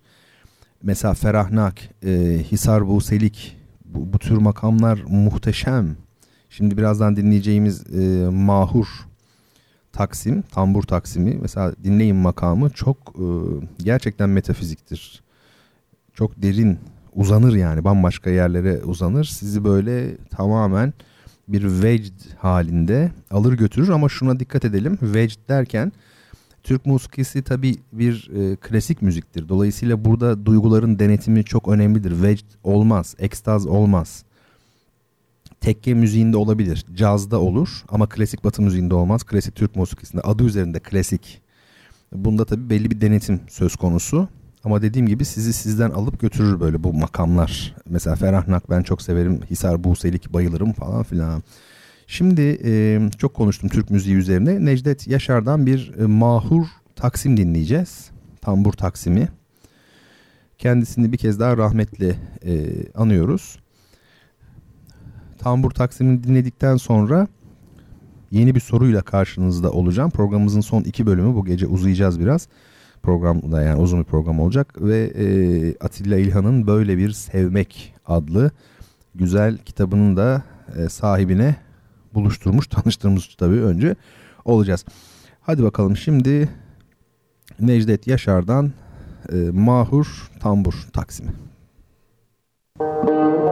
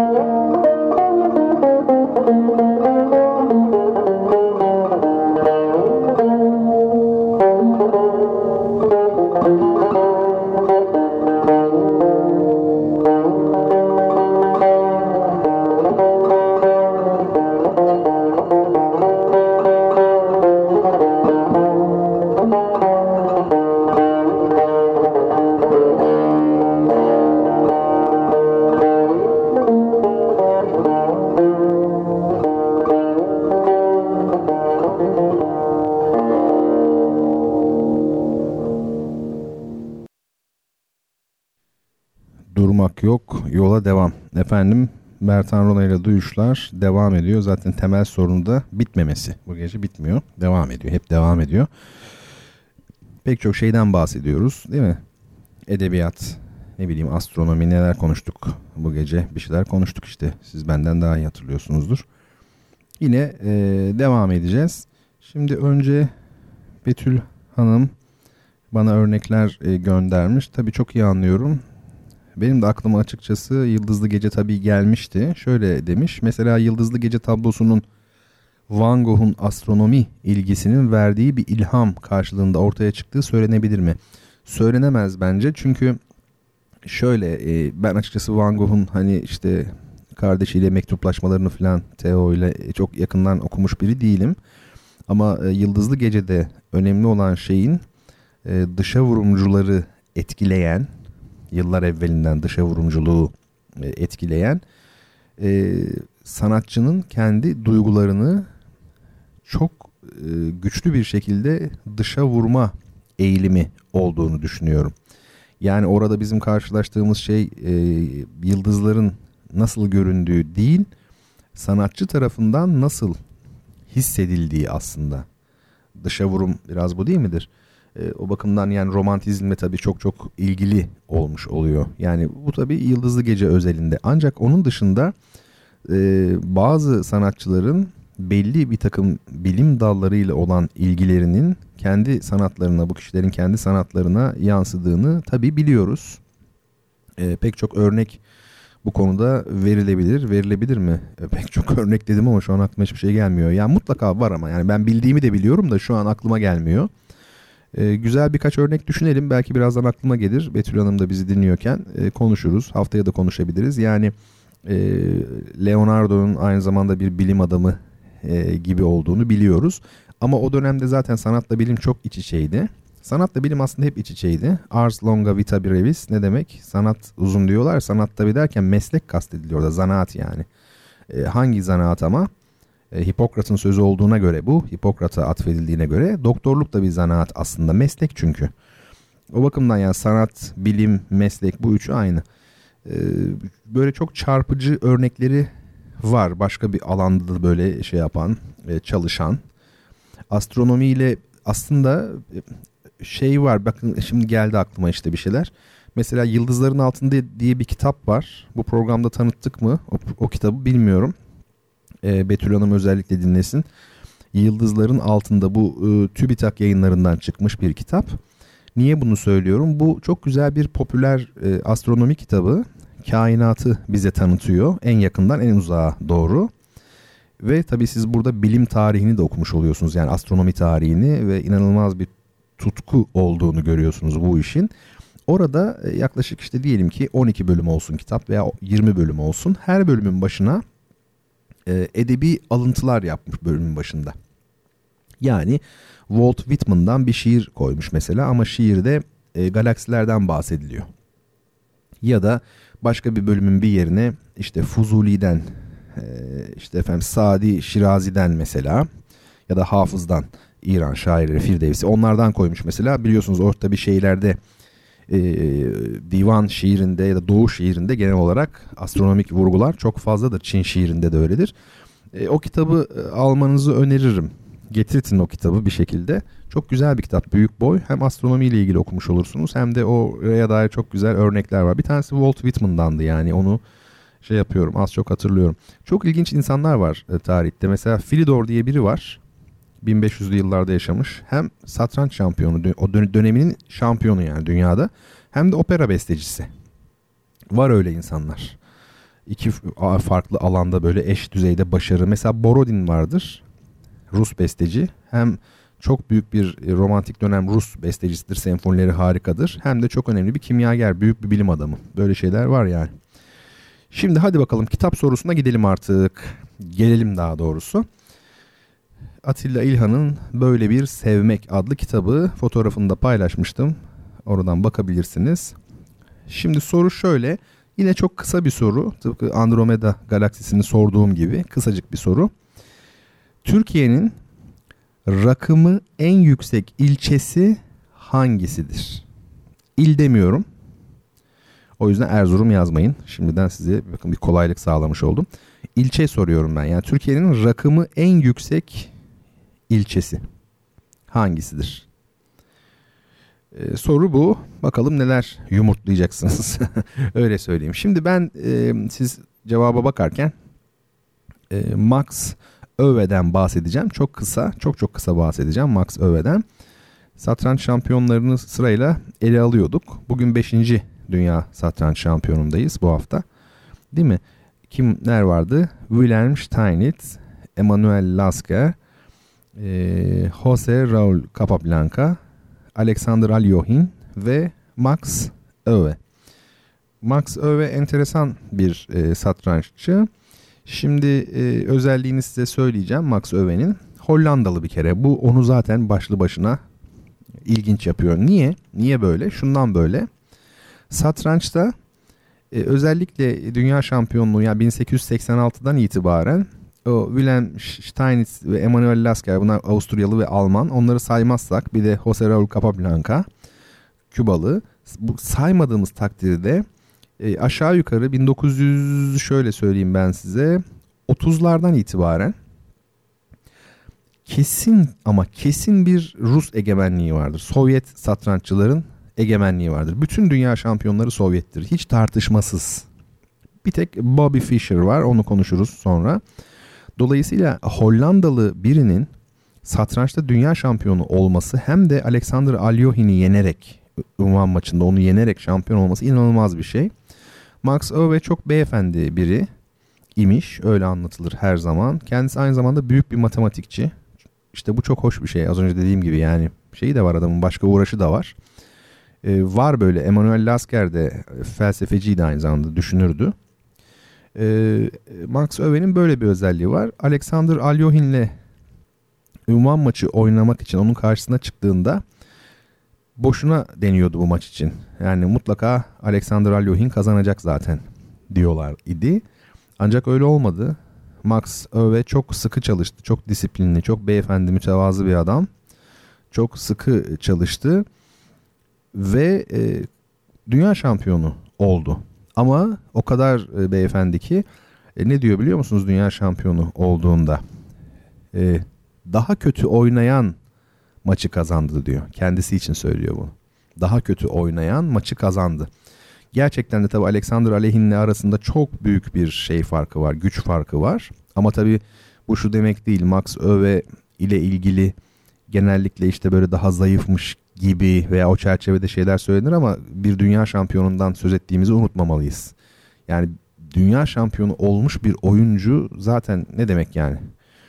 Ee, iki yıl sonra tekrar bir unvan maçı oldu. Bu defa Alexander Aleyhin alkolü bırakmıştı artık içkiyi ee, ve adam akıllı çalışmıştı ve tabii çok çok ezici bir farkla unvanını geri aldı 1937 yılında. 2 yıl sonra yani 35'te Max Öve şampiyon olmuştu. Ee, böyle bir isim uzun yıllar çok büyük hizmetler vermiştir dünya satrancına. Çalışmalarıyla, kitaplarıyla gençlere e, faydalı olmuş. Matematik alanında da çok ciddi e, çalışmış bir kişi. 1935-1937 yıllar arasında dünya satranç şampiyonu olan, 5. şampiyon olan Max Öve. Bunu böyle kısaca e, size tanıttım. Bu arada sizler de tabii bir şeyler yazdınız diye düşünmekteyim. O baya insan beni dinliyor galiba bugün. 7 kişiyiz. Yok yani bu saate kadar aşırı dozda e, Bertan Rona'ya maruz kalıyorsunuz o yüzden. Şimdi arkadaşlar e, kara yazı yazmışsınız ama e, Ramazan Cesur Bayram Bey palan döken demiş. Sorunuzu unutmadım e, Ramazan Bey. Onu not alacağım şimdi hiç merak etmeyin e, palan döken denilmiş ve daha sonra hemen hemen herkes kara yazı demiş. Niye öyle dediniz sevgili dinleyicilerim? Niye böyle yapıyorsunuz beni üzüyorsunuz? Şöyle ben kara yazı diye bilmiyordum. Ben başka bir şey biliyorum. Siz Google'dan arattığınızda bu mu çıktı? Bana kara yazının e, rakamını yazar mısınız? Kaçmış kara yazının rakamı? Yani nereden buldunuz? Nereden çıkarıyorsunuz bunları? Var ya öyle bir şey. E, bir daha bakalım ben de bilgisayarıma yazayım mı? Karayazı diye bakalım ne çıkacak. Karayazı. Karayazı nerenin ilçesiydi? Erzurum'un ilçesi mi? İki, kara yazı rakım 2450 çıktı. Peki arkadaşlar bir saniye bana zaman verin. Bunlar kit kitabın kime gideceğini belirlemek için oluyor. Arkadaşlar bir bakalım şimdi. Bir de baş kaleye bakar mısınız? Rica etsem size. Yani kara yazınınki 2000 çok yüksekmiş gerçekten. 2450. Baş kale ise 2300 diyor. Ben baş kaleyi daha yüksek olarak bilmekteyim. Rezalet çıktı programda. Bir türlü anlaşamıyoruz. Peki problem değil. Kara yazı kabul ederiz. Madem ben baş kale biliyor idim. Kara yazı. Ee, Betül Hanım kitabı aldı. Keşke şey olsaydı kitabımız yıldızların altında olsaydı o bahsettiğim astronomi kitabı ama e, şey Atilla İlhan. Bir de çılgın bir şeyin peşindeyim. Bu 14 Şubat'ta program var Sevgililer Günü'nde. Sevgililer Günü'yle ilgili bir şey yapmayacağım merak etmeyin. Ee, şey ama bir yıl olacak. Duyuşlar birinci yaşını doldurmuş olacak. 15 Şubat'ta başlamıştı çünkü 2017'de. Birinci yıl e, dolayısıyla tıpkı kızımın doğumun vesilesiyle satranç e, takımı gibi güzel büyük bir hediye gönderdiğimiz gibi e, yine böyle büyüyecek bir hediye düşünmekteyim. Bilginiz olsun. E, iki hafta sonraki programa iyi hazırlanın yani hediye için. Peki Betül Hanım'a da e, hediyesini gönderelim. E, lütfedip şey yaparsanız e, adresinizi adınız soyadınız herhalde bu şekilde zaten. Telefon numaranızı da yazın arkadaşlarım göndersinler. Çok teşekkür ederim. Ama şimdi evet peki Betül Hanım. Gülsüm Hanım Başkale demiş. Evet enteresan. Ben de e, Başkale olarak biliyordum. Aa enteresan bir durum olmuş. Sevgili Ece demiş ki değilmiş diyor. Van Başkale galiba. Şimdi tabii ki Betül Hanım kitabını aldı. O mesele değil de. Biz şimdi bu Başkale yazanlara da bir kitap göndermek. Başkale'nin rakımı. Neyse bir baksanıza benim yerim arkadaşlar ne olur. Radyo programcısı olarak hep bunu hayal etmiştim. Hani o kadar çok böyle şeyin oluyor ki dinleyicin. Hani söylüyorsun şuna bir bakıverin falan diyorsun. Yüzlerce mention geliyor falan filan. Ee, yalnız burada çıkmıyor. Başkale 2350 demiş. Karayazı 2450 demiş. Ben en yüksek Başkale diye biliyorum. Bana ispat edin Başkale olduğunu. Başkale yazan da e, kitabını alsın kardeşim. Şimdi devam edelim. Şöyle bir bakalım. Mesajlar da geliyor. Peki. Bakalım şimdi programımızda hangi konular var. Ha, kitap tanıtımı var şimdi. Hadi onu yapalım hemen. Ee, çok çok güzel bir kitap. İnanın ya bütün kitaplığımın en değerli kitaplarından biri benim için. Ee, bu kitabın adı Maske kitabı. Muhteşem bir kitap. Yani ben laf olsun diye bunu tanıtmıyorum. Gerçekten bunu mutlaka okumanız lazım. Bu kitabı edinmeniz lazım. Yani maske derken her anlamda maske nedir? Bunun üzerine düşünmek isteyenler e, kitabı okusunlar. Bakın ben şimdi size kitabın içindekiler kısmını okuyacağım. Başlıklarını yani kitaptaki yazıların adlarını söyleyeceğim. Kitap bir kere kaç bölümden oluşuyor? Ha şöyle.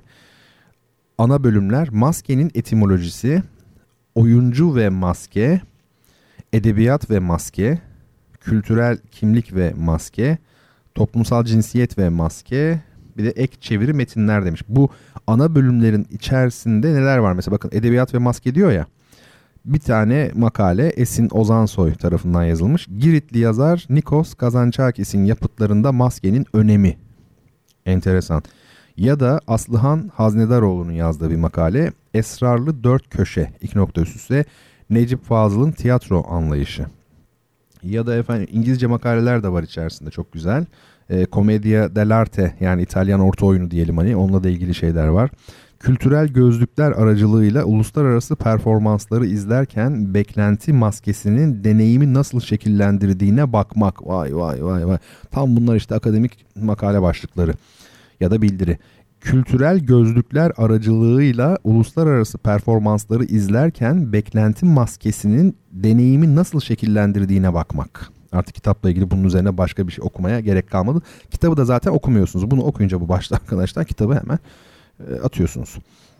E, çok çok önemli bir kitap. Tabii maske nedir yani bunu düşünmek lazım. Bakın şimdi size çok önemli bir şey söyleyeceğim. Şu Başkale hikayesini geçin yani. Hangisinin olduğu önemli değil. Yani varsa bir şey zaten kitap göndeririz hep biz bizeyiz de. Şimdi e, şöyle bir şey söyleyeyim. Size maske ile ilgili önemli. Nesneler e, bizim için ne ifade ediyor? Bunu bunları düşünmemiz lazım. Yani e, gündelik hayatta pek çok şeyle karşılaşıyoruz. Koca koca insanlar olduk değil mi? Yani mesela balon diye bir şey var. En son belki çocukken oynadınız ama balonu herkes bilir. Çizgi filmlerde geçer falan şu bu. Deyimlerde geçer mesela değil mi? Ah, balon o adam ya falan patladı. Balon yani boş. İşte mesela bakın oradan yakalayacaksınız. Ne yani neyi, ne, neyi çağrıştırıyor? Neyin sembolü olabilir? Balon. Mesela içi boş olmak. İçi boş olanın yükselmesi. Tıpkı bugünkü dünyada değil mi? Hep eleştirmiyor muyuz? Boş beleş insanlar bir yerlere geliyor demiyor muyuz? İşte içi boş olanın yükselmesi. Ama çabuk patlamak. Dayanıksız olmak. Yani yalan. Görünüş var ne yok? Öz yok. Yani pornografi. Biçim var içerik yok. Mesela balon. Bakın balondan birkaç şey attık hemen. Baston nedir mesela? Baston. Düşünün. Allah Allah baston ne olabilir? Baston dayanak olabilir. Bir şeye dayanmak hayatta. Bir şeyi tutmak, bir şeye dayanmak. Ya da bu dünyada e, seni var eden şeyler, bu dünyayla bağlantın, bu dünyaya bel bağlamak belki. E, Kur'an'da e, geçer ya Taha suresinde ne diyor orada? El kıha ya Musa bırak. E, Allah soruyor bu nedir senin elindeki? Hazreti Musa'ya bu diyor benim bastonumdur diyor. Bununla diyor işte koyun güderim atıyorum tamamen. Yani şeyler işte şunu yaparım ona dayanırım diyor koyunlarımı güderim şunu yaparım. Başka işlerimi de diyor karşılar diyor. 4-5 kalem sayıyor. Cevap şöyle geliyor. Bırak onu ya Musa diyor. Şimdi bırak onu. İşte acaba bu zahiren baktığınızda bastonu at mı? Tamam atıyor yılana dönüşüyor gibi. Ama başka bir şey mi? Yani dünya bu da, e, dayanaklarından vazgeçin ben ne yapmış oldum? Attım. Bastonla ilgili atmadım da yani fikir ürettim. Şimdi bir de mesela bason diye bir çalgı var. Yani fagot orkestrada var ya. Mesela bason bakın bastona benziyor. Kendisi de baston gibi işte araştırın düşünün mesela bunu. O bakımdan önemli. Şimdi maske peki neyi anlatabilir? Maske o maske deyince tabii yüze takılan maske geliyor aklınıza ama e, maske iki türlü olur tiyatroda. Bir tanesi de makyajla maske olur. Makyaj maskesi. O da maskedir. Efendime söyleyeyim. Ee, şimdi modernitenin kendisi bir zaten maskelemedir, perdelemedir. Modernite dediğimiz şey. Öyle değil mi? Mesela işte Venedik'te daha evvel söylemişimdir. Ne var?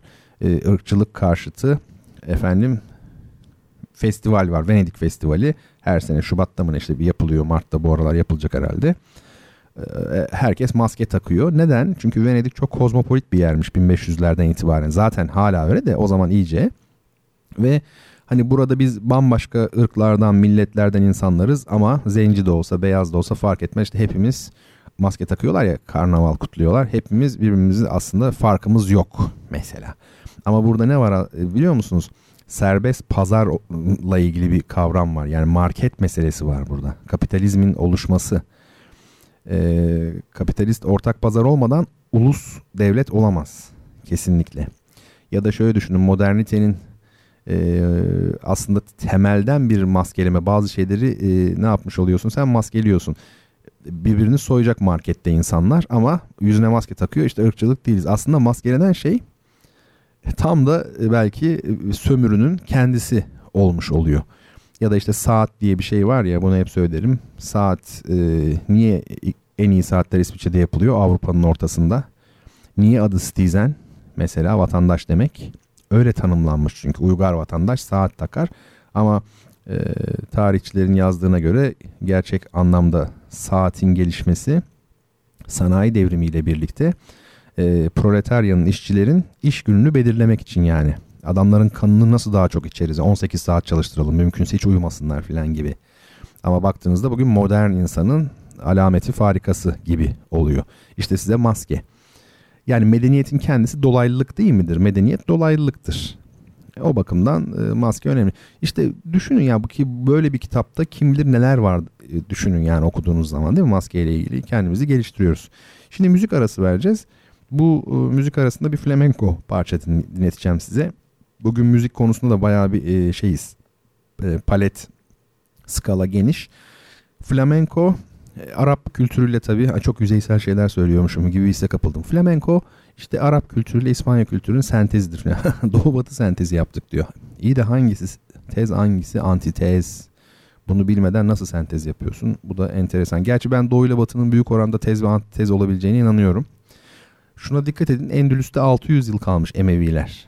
Hani şimdi biz Osmanlı İmparatorluğu diyoruz ya işte o, o da 600 yıl. Yani İspanya'daki Arap ve İslam damgasının ne kadar şiddet olabileceğini e, anlatabilmek adına söyledim ben bunu. Bu çığlıklar falan var ya flamenko parçalarda işte melodi çizgisi, sentimental olması, duygusal olması falan Akdenizli şeyler bunlar. Bu parça çok güzel. Frevo Rasgado parçanın ismi. John McLaughlin bir caz e, gitarcısı. E, şeyi bilirsiniz zaten. Paco de Lucia. O da flamenko çalan. Vefat etti o da geçen senelerde. Şimdi bu güzel e, flamenko parçasını dinleyelim. Arkasından programımızın son bölümünde sizlerle birlikte olacağım yine.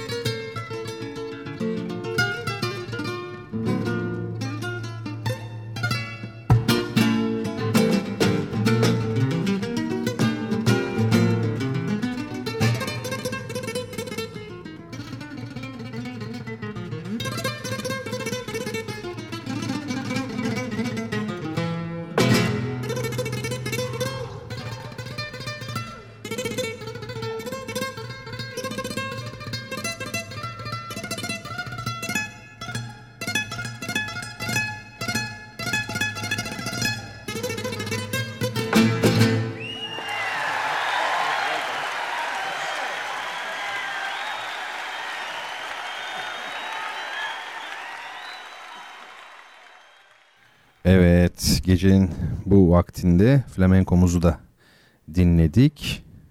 Çok sevgili dostlar, kaldığımız yerden sürekli bir yerde kalıyoruz değil mi? Kaldığımız yerden devam ediyoruz. Peki, şimdi size bir fotoğraf e, yine yükledim bakmanız için. Instagram'da da görünüyor. Twitter'dan da o tarafa sizi yönlendirir. E, bu Fotoğraf nerenin fotoğrafı tabii biliyorsunuz Venedik'in fotoğrafı. Ben size Venedik'i anlatmak istiyordum. Ee, şöyle yine anlatacağım tabii. Ama esas haftaya bu şeyleri fotoğrafları e, benim kendi çektiğim fotoğrafları yükleriz. Daha detaylı bakarız. Daha doğrusu şimdi ben anlatımı yapayım. Haftaya biraz fotoğraf ağırlıklı gideriz derim işte hani şurası vardı ya bahsetmiştim işte o burası filan gibi ama şimdi öyle bir fotoğraf e, yükledim ki gerçekten olağanüstü bir fotoğraf. Artık helikopterden mi uçaktan mı nereden çekildiyse o şeyde e, fotoğrafta e, pek çok yer e, görünüyor. Yani ana hatlarıyla aslında anlatacağım kısımları çok net bir şekilde şey yapabilirsiniz burada. E, takip edebilirsiniz yani. Öyle söyleyeyim size. Şimdi mesela ufak ufak bir başlayalım. Bakalım neler e, söyleyebileceğiz şeyle ilgili Venedik'le ilgili. Ben tabii kendi anılarımı e, anlatacağım size. Aslında bu çok etkili bir yol biliyor musunuz yani. Giden bir kişiden dinlemek kadar güzel bir şey e, olamaz yani. Çünkü o yaşamış orada biliyor falan. E, şimdi e, tabii tarihsel serüvenini biliyorsunuz Venedik'in. Hep Cenevizlilerle Venedik donanması falan böyle geçer ya. Osmanlı ile işte İnebahtı'nda çarpıştı şu bu. E, tabii ta o, o dönemde bile değil mi demek ki bir dünya gücü denizci olarak tabii dünya gücü. Onlara girmeyeceğim. Bahsettiğim o işte maske meselesi, karnavaldır filan, festivaldir onlara da girmeyeceğim. Şimdi şunu e, özellikle söyleyeyim. Ben somut şeylerle konuşalım. E, trenle e, gidiyorsunuz. Bakın şu şeyde resimde hani hemen sol üstte görüyorsunuz değil mi? Böyle ince bir yol geliyor denizden. E, böyle şeylere ayrılıyor. Raylar işte aslında orası e, tren yolu. Trenler oraya o şekilde geliyor. Ben e, Viyana'dan gitmiştim Venedik'e. Yani Viyana'dan hızlı trenle Venedik'e gidebiliyorsunuz. Ama tabii Salzburg'da geceleyin e, 4-5 saat en az belki 6 saat bekliyorsunuz. Viyana Fransa'nın en doğusunda. Şey Fransa diyorum e, Avusturya'nın en doğusunda. Salzburg da bayağı bir batısında yani. Innsbruck kadar batıda değil ama batıda. Orada tabii durduktan sonra 5-6 saat sonra sabaha karşı bu defa Venedik'e doğru şey yola çıkıyorsunuz. En son işte oradan geçiyor böyle ince e, hattan ve e, terminale gelmiş oluyorsunuz siz. E, şimdi o geldikten sonra bakın orada trenden indiniz. Terminal binası falan da o tip şeyler de bakın hep görünüyor. Bu yukarıdan baktığınızda S gibi bir şekil var ya ters duran S kanal işte o Grand Kanal yani büyük kanal. Venedik'in büyük kanalı orası. Tabi onun dışında böyle ara dikkatli de buradan çok görünmüyor e, çok yüksekten çekildiği için. Ee, bir sürü küçük küçük kanallar var yani sayısı belli değil. Ama ana kanal Grand Kanal bu işte şu görünen. Siz o treni trenden indiğiniz noktadan itibaren e, yola çıkıyorsunuz. E, neye binebilirsiniz? Vapuretto'lar var bir de Canaletto adı verilen toplu ulaşım yani şey gibi otobüs gibi bunlar var yani. Vapuretto, Canaletto. Birine otobüs deyin birine dolmuş deyin. Taksi de var. Tabii bunların hepsi denizde ama yani giden şeyler. Taksi derken normal araç çok Venedik'te.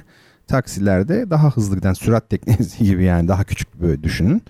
Oradan bindiğiniz zaman mesela bir Canaletto'ya oradan yola çıkıyor. Yaklaşık 10 dakikada 15 dakikada bu böyle çok aşırı büyük gibi görünüyor ama daha hızlı gidiyor aslında öyle hatırlıyorum. Buradan böyle dolaşmaya başlıyorsunuz. Bu Grand Kanal'da dört tane köprü var. Ee, bu dört köprünün en ünlüsü, en büyüğü, en merkezi olanı e, Rialto Köprüsü. E, hatta bu çalışan şeyler var. Muavinler diyeyim. E, bu tekneye biniyorsunuz ya işte toplu ulaşım. Teknede işte giderken o duraklara geldiği zaman durakların ismini söylüyor mesela. Rialto diye size bağırıyor yani. Rialto Köprüsü o meşhur pek çok sanat eserinde geçen. Bakın dikkatli baktığınızda çok net görebilirsiniz. Ters S diyorum ya. Tren yolundan geldiniz gardan. Şöyle geldiniz geldiniz geldiniz. İlk dirsek yani ilk döndüğünüz yerde beyaz bir köprü var bakın. Görünüyor. Heh, işte orası Rialto Köprüsü. Orada Ha, dört köprü var ama en ünlüsü bu. O köprü şey böyle işte e, fotoğraf üstünde fotoğraf çektirmek için bile en az birkaç dakika sıra bekliyorsunuz. Yani çok da popüler olduğu için kalabalık oluyor yani. E, dünyanın dört tarafından şeyler var. insanlar var. Bak ne güzel Venedik'i şimdi böylelikle tanıtmış oluyorum. Siz de giderseniz sıkıntı çekmezsiniz inşallah.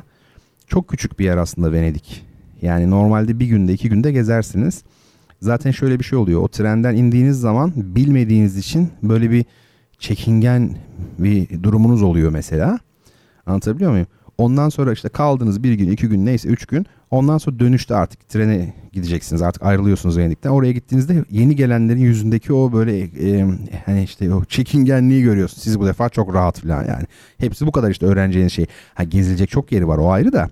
Yani topografya açısından bakalım önce yani onu demek istiyorum. E, şimdi Venedik'te kiliseler çok eski. O dikkatimi çekmişti.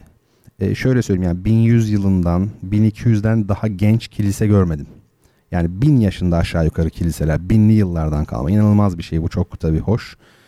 Ee, şimdi bu kanaldan böyle işte Rialto Köprüsü'nden geçtik. Büyük kanaldan devam ettik. Geldik geldik geldik. Bakın şimdi tam kanalın açıldığı noktayı gördünüz mü?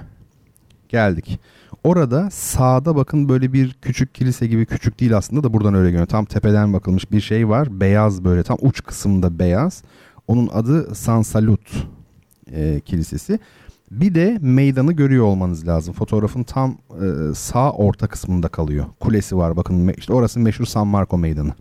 Yani San Marco Meydanı San Marco Katedrali sağ tarafta onu şu an net göremeyebilirsiniz. Ama kuleyi görüyorsunuz. Çan Kulesi o da işte. E, ben onun tepesine çıktım. Fotoğrafları e, atacağım şey yani yarım şey yarın diyorum haftaya yaparız. Dün gece tabii bebekten dolayı pek uyuyamadığımız için biraz uykusuzluk var. Affedin. Efendim bu meydan.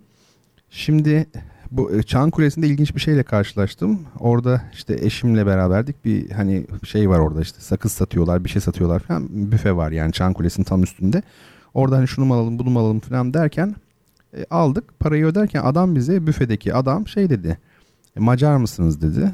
Yok dedik Macar değiliz. O zaman Türksünüz dedi. Evet falan dedi. E, dilleriniz çok benziyor dedi. Yani adam orada tabii dünyanın dört tarafından gelen insanlar var. Düşünün o kadar çok insan görmüş ki Macarca ile Türkçenin çok benzediğini anlamış adam yani. inanılır gibi değil. Oradan çok güzel bir fotoğraf çekmiştim. Bu San Salut Kilisesi'nin o aşağıdaki beyaz kilisesi. Onun fotoğrafını da gösteririm işte o şeyden kuleden. Siz bunu da muhafaza edin. İkisine beraber bakarsınız. Çok ilginç bir deneyim olur yani. O kulenin tepesinden bu San Salut nasıl görünüyor diye bakarız.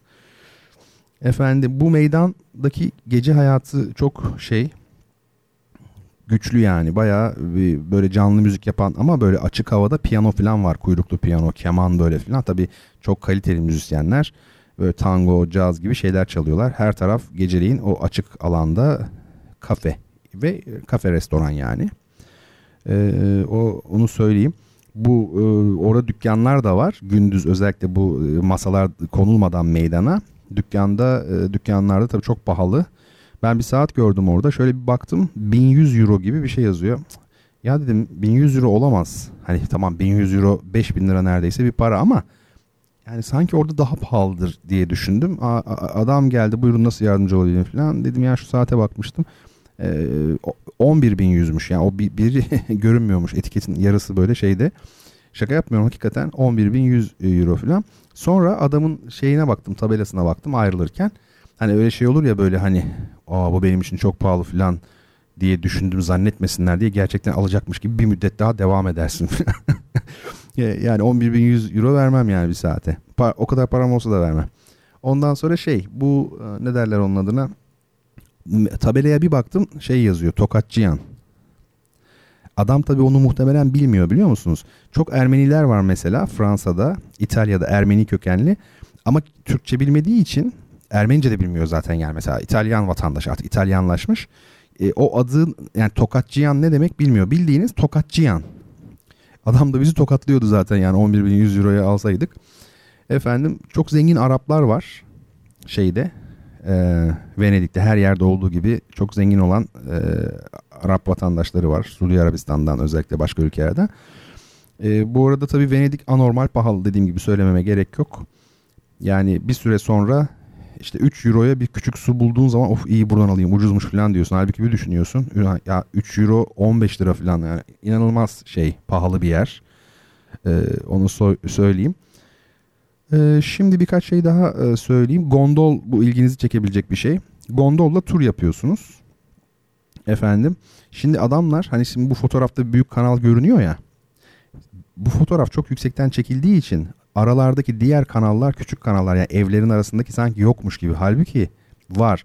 Adamlar şeyi biliyor gondolcu. Oradan bir giriyor bir taraftan sağdan ezberlemiş böyle bütün her tarafın seni bir yere çıkarıyor. İnanılmaz bir şey. Çeşitli turlar var böyle işte. Fiyatı 100 euroydu. 3-4 yıl evvel gittim ben herhalde. 100 euro çok iyi para. 45 e, dakika mı bir saat mi ne sürüyor? Gondola biniyorsunuz. 425 tane gondolcu varmış. Bizim gondolcumuz Marco'ydu ismi. Çocuğun adı. Marco ile biz şey yaptık. Sohbet ettik bayağı falan. Dedim kaç tane gondolcu var? 425 tane dedi. E dedim her isteyen yapabiliyor mu? Yok dedi. Kota varmış. 425'in üzerine çıkmıyormuş. E, yanlış hatırlamıyorsam tabii bu rakamları. Ancak birisi ölünce falan gibi bir şey söyledi yani. O da karar veriliyormuş. Öyle her önüne gelen yapamıyor. Çünkü çok fazla para kazanılan bir iş galiba. Yani 100 euro. İyi bir şey. Marco'ydu bizim gondolcu. Bu arada gondola gitarla size müzik yapacak, Napoliten söyleyecek, Napoli şarkıları söyleyecek. Birini de alabiliyorsunuz. O zaman tabii kesenin ağzını biraz da açmanız lazım. O da size e, Napoliten söylüyor mesela. Böyle bir şeyler var. Ee, bu tabii şimdi görünmüyor ama e, meydan tarafının daha da sağına böyle Venedik bu kadar işte burada bitiyor. Şu evler var ya sağ tarafta hani kesilmiş fotoğraf. Ha, orada bir yuvarlak yapıp bitiyor. O tarafında da sahiller var. Yani denize girilebilecek yerler. Grand Kanal'da kesinlikle yasak. Hiçbir şekilde giremiyorsunuz. Ee, böyle Murano adalar var böyle plajlar e, falan var. Ben oralara da git gitmedim yani yüzmeye gitmemiştim tabii bilmiyorum ama e, böyle onu da söyleyeyim. Bir de getto kısmı var. Zamanında Yahudi mahallesiymiş. Venedik taciri vardır ya Shakespeare'in orada geçer bazı şeyler okuyabilirsiniz. Efendim. Ha komik bir şey. Bir tane McDonald's var Venedik'te. Sadece bir tane. Şimdi Venedik o kadar pahalı ki McDonald's reklamlarını böyle 3-4 yere en az koymuşlar. 5-6 yere neyse. Hepsinde de şey yazıyor. Venedik'te tek diyor. Yani şunu demeye getiriyor. E, ucuz yemek istiyorsan diyor bak bir tane bulamazsın başka diyor. Venedik'te tek bir tane. Neyse o da ortalarda bir yerde işte. Ee, onun olduğu yeri de şu an buradan bakarak aslında görebiliyorum. Yani e, tahmin edebiliyorum yani şeyi. Yer yön duygum çok kuvvetli hakikaten. Ee, Venedik'te şeyler e, bu kuşlar çok arsız. Onu da söyleyeyim. Yani nasıl arsız? Ee, siz mesela bir şey aldınız elinizde yiyorsunuz diyelim. Sizinle beraber hiç sizi takmadan aynı anda yiyebilirler. Sizinle beraber havada yani siz de yürüyorsunuz mesela serçeler düşünebiliyor musunuz? O kadar alışmışlar insanlara yani inanılmaz bir şey. Venedik böyle fotoğraflarını haftaya ben bir şey yapayım da yükleyeyim de e, şey yaparız bakarız. Şimdi programımızın sonuna doğru geleceğiz ama bir şiir var önce. Daha sonra sevgili Ececiğimin ricasını sorusunu unutmuş değilim şu sansür meselesini açar mısınız demiş. Yani ben şey yazmıştım Twitter'a da insan en büyük sansürü kendisine karşı uygular kendine karşı. Hocam biraz açın onu demişti. Tamam onunla ilgili birkaç şey söyleyeyim. Yani öyle dahiyane şeyler değil aslında. Çok bilindik bir şeyler söyleyeceğim yine ama. Şimdi e, Melih Cevdet Anday'ın bütün şiirleri Sözcükler adı altında Türkiye İş Bankası Kültür Yayınları tarafından çıkmıştı. Bende var bu kitap. Eski bir kitap. E, orada tabii bütün şiir kitapları bir arada. E, Kolları Bağlı Odysseus diye bir kitabı vardır Melih Cevdet Anday'ın. Oradaki şiir dili gerçekten e, güzel bir dil. Yani olgun bir şiir dili var. Beni etkiler, hoşuma gider. Bu Kolları Bağlı Odysseus 10 bölüm yanlış hatırlamıyor isem yoksa daha mı farklı? 4 bölüm özür dilerim ama her biri onar e, bölükten oluşuyor. Şimdi size birinci bölümü sadece okumak istiyorum. Bakın şöyle demiş Melih Cevdet Anday. Ağır bir zamandı sürekli ve anısız. Gözden önceki göz içinde yalnız. Somut hayvanlar yürürdü hayvanlarla. Ağaçtan önceki ağaçlar büyürdü. Açardı hasatsız gökyüzünü ustan önceki sabah kanlarla bulut tapınağında bir yıldız. Evreni toz toparlak uyur böcek, düşünde gökleyin kocaman. Gök mü yoksa böcek mi önce? Duruşur bir anda geçmişle gelecek. Geyik akarsuları özlediğince hem su hem geyiktir akan düşle gerçekleyin iç içe. Bildik bakışları ile süzerdi beni aynasında sarılaştığım nehir. Çekirgelerle büyürdüm üç adımda bir. Çekirgeler kuru yıldızları yerdi. Acıkmış bir güneşin öyle dikenleri. Çıngıraklarla havayı titretir, tanrısal uykularımı bölerdi. Tanrısal uykularımı bilerdi. Ey çocukluk, mutluluk simyacısı, alevini bul getir yanmış bakırın. Batı bulutundaki alı indir yere. Ne oldu tomurcuğun içindeki ısı? Kırmızı yıldızla mı damladı altın? Saydam sapın özündeki ambere. Bul getir korkusuz büyücü, gizci başı. Yerin üstünde gördük bunu unutma. Herkes yeniden başladı ve unuttu. Kalıntılarla uzak, anılarla yakın, kendi görütünde bir kırmızı karınca. Ne güzel yangındı o yangın. Herkes yeniden yaşadı ve unuttu. Yaktığımız mutluluğu unutma. Ey doğa, büyük doğa, sağır kral. Tasında mermer yaz yağmuru. Kesik bacağında güneş hal hal. Çağırıyorsun eski bahçene çocukluğu. Sendin senin mutlu uyruğundu. Sonra baktım pencereme vuran dal görünüp görünüp yok oldu. Ekşi salkımdan şarabı çıkaran kim? Toprağı ateşten, ateşi sudan, bitkiyle, böcekle, benimle oluşan, sonra kitaplarda okuyup öğrendiğim görünmez ışınlar, iç içe yörüngeler, bensiz mi yanar, bensiz mi döner, yasaların iç güdümdü benim. Unutamam o güz ikindisini. Her yanda alı al bir mutluluk. Terli bir at gibi gülümseyiverdi. Düşle gerçek arası dört nala. Bir koşudan sanki çoğala çoğala gelip yitivermişti çar çabuk beyaz kulelerle bayraklar ortasında. Şimdi ondan ne kaldı ki? Unutulmuş bir kapı belki kaldı. Değişmez biçim, arı renk, ölümsüz birlik, o zorunlu kendiliğindenlik anılarla geldi gitti kaldı. Duyularda bir ürperti kaldı artık eski bahçelerde değildik. Duyular eski ağaçlarım benim her gece bütün kuşlarını yiyen. Alaca bulaca fener alayı. Unutup gidilmiş körebelerim.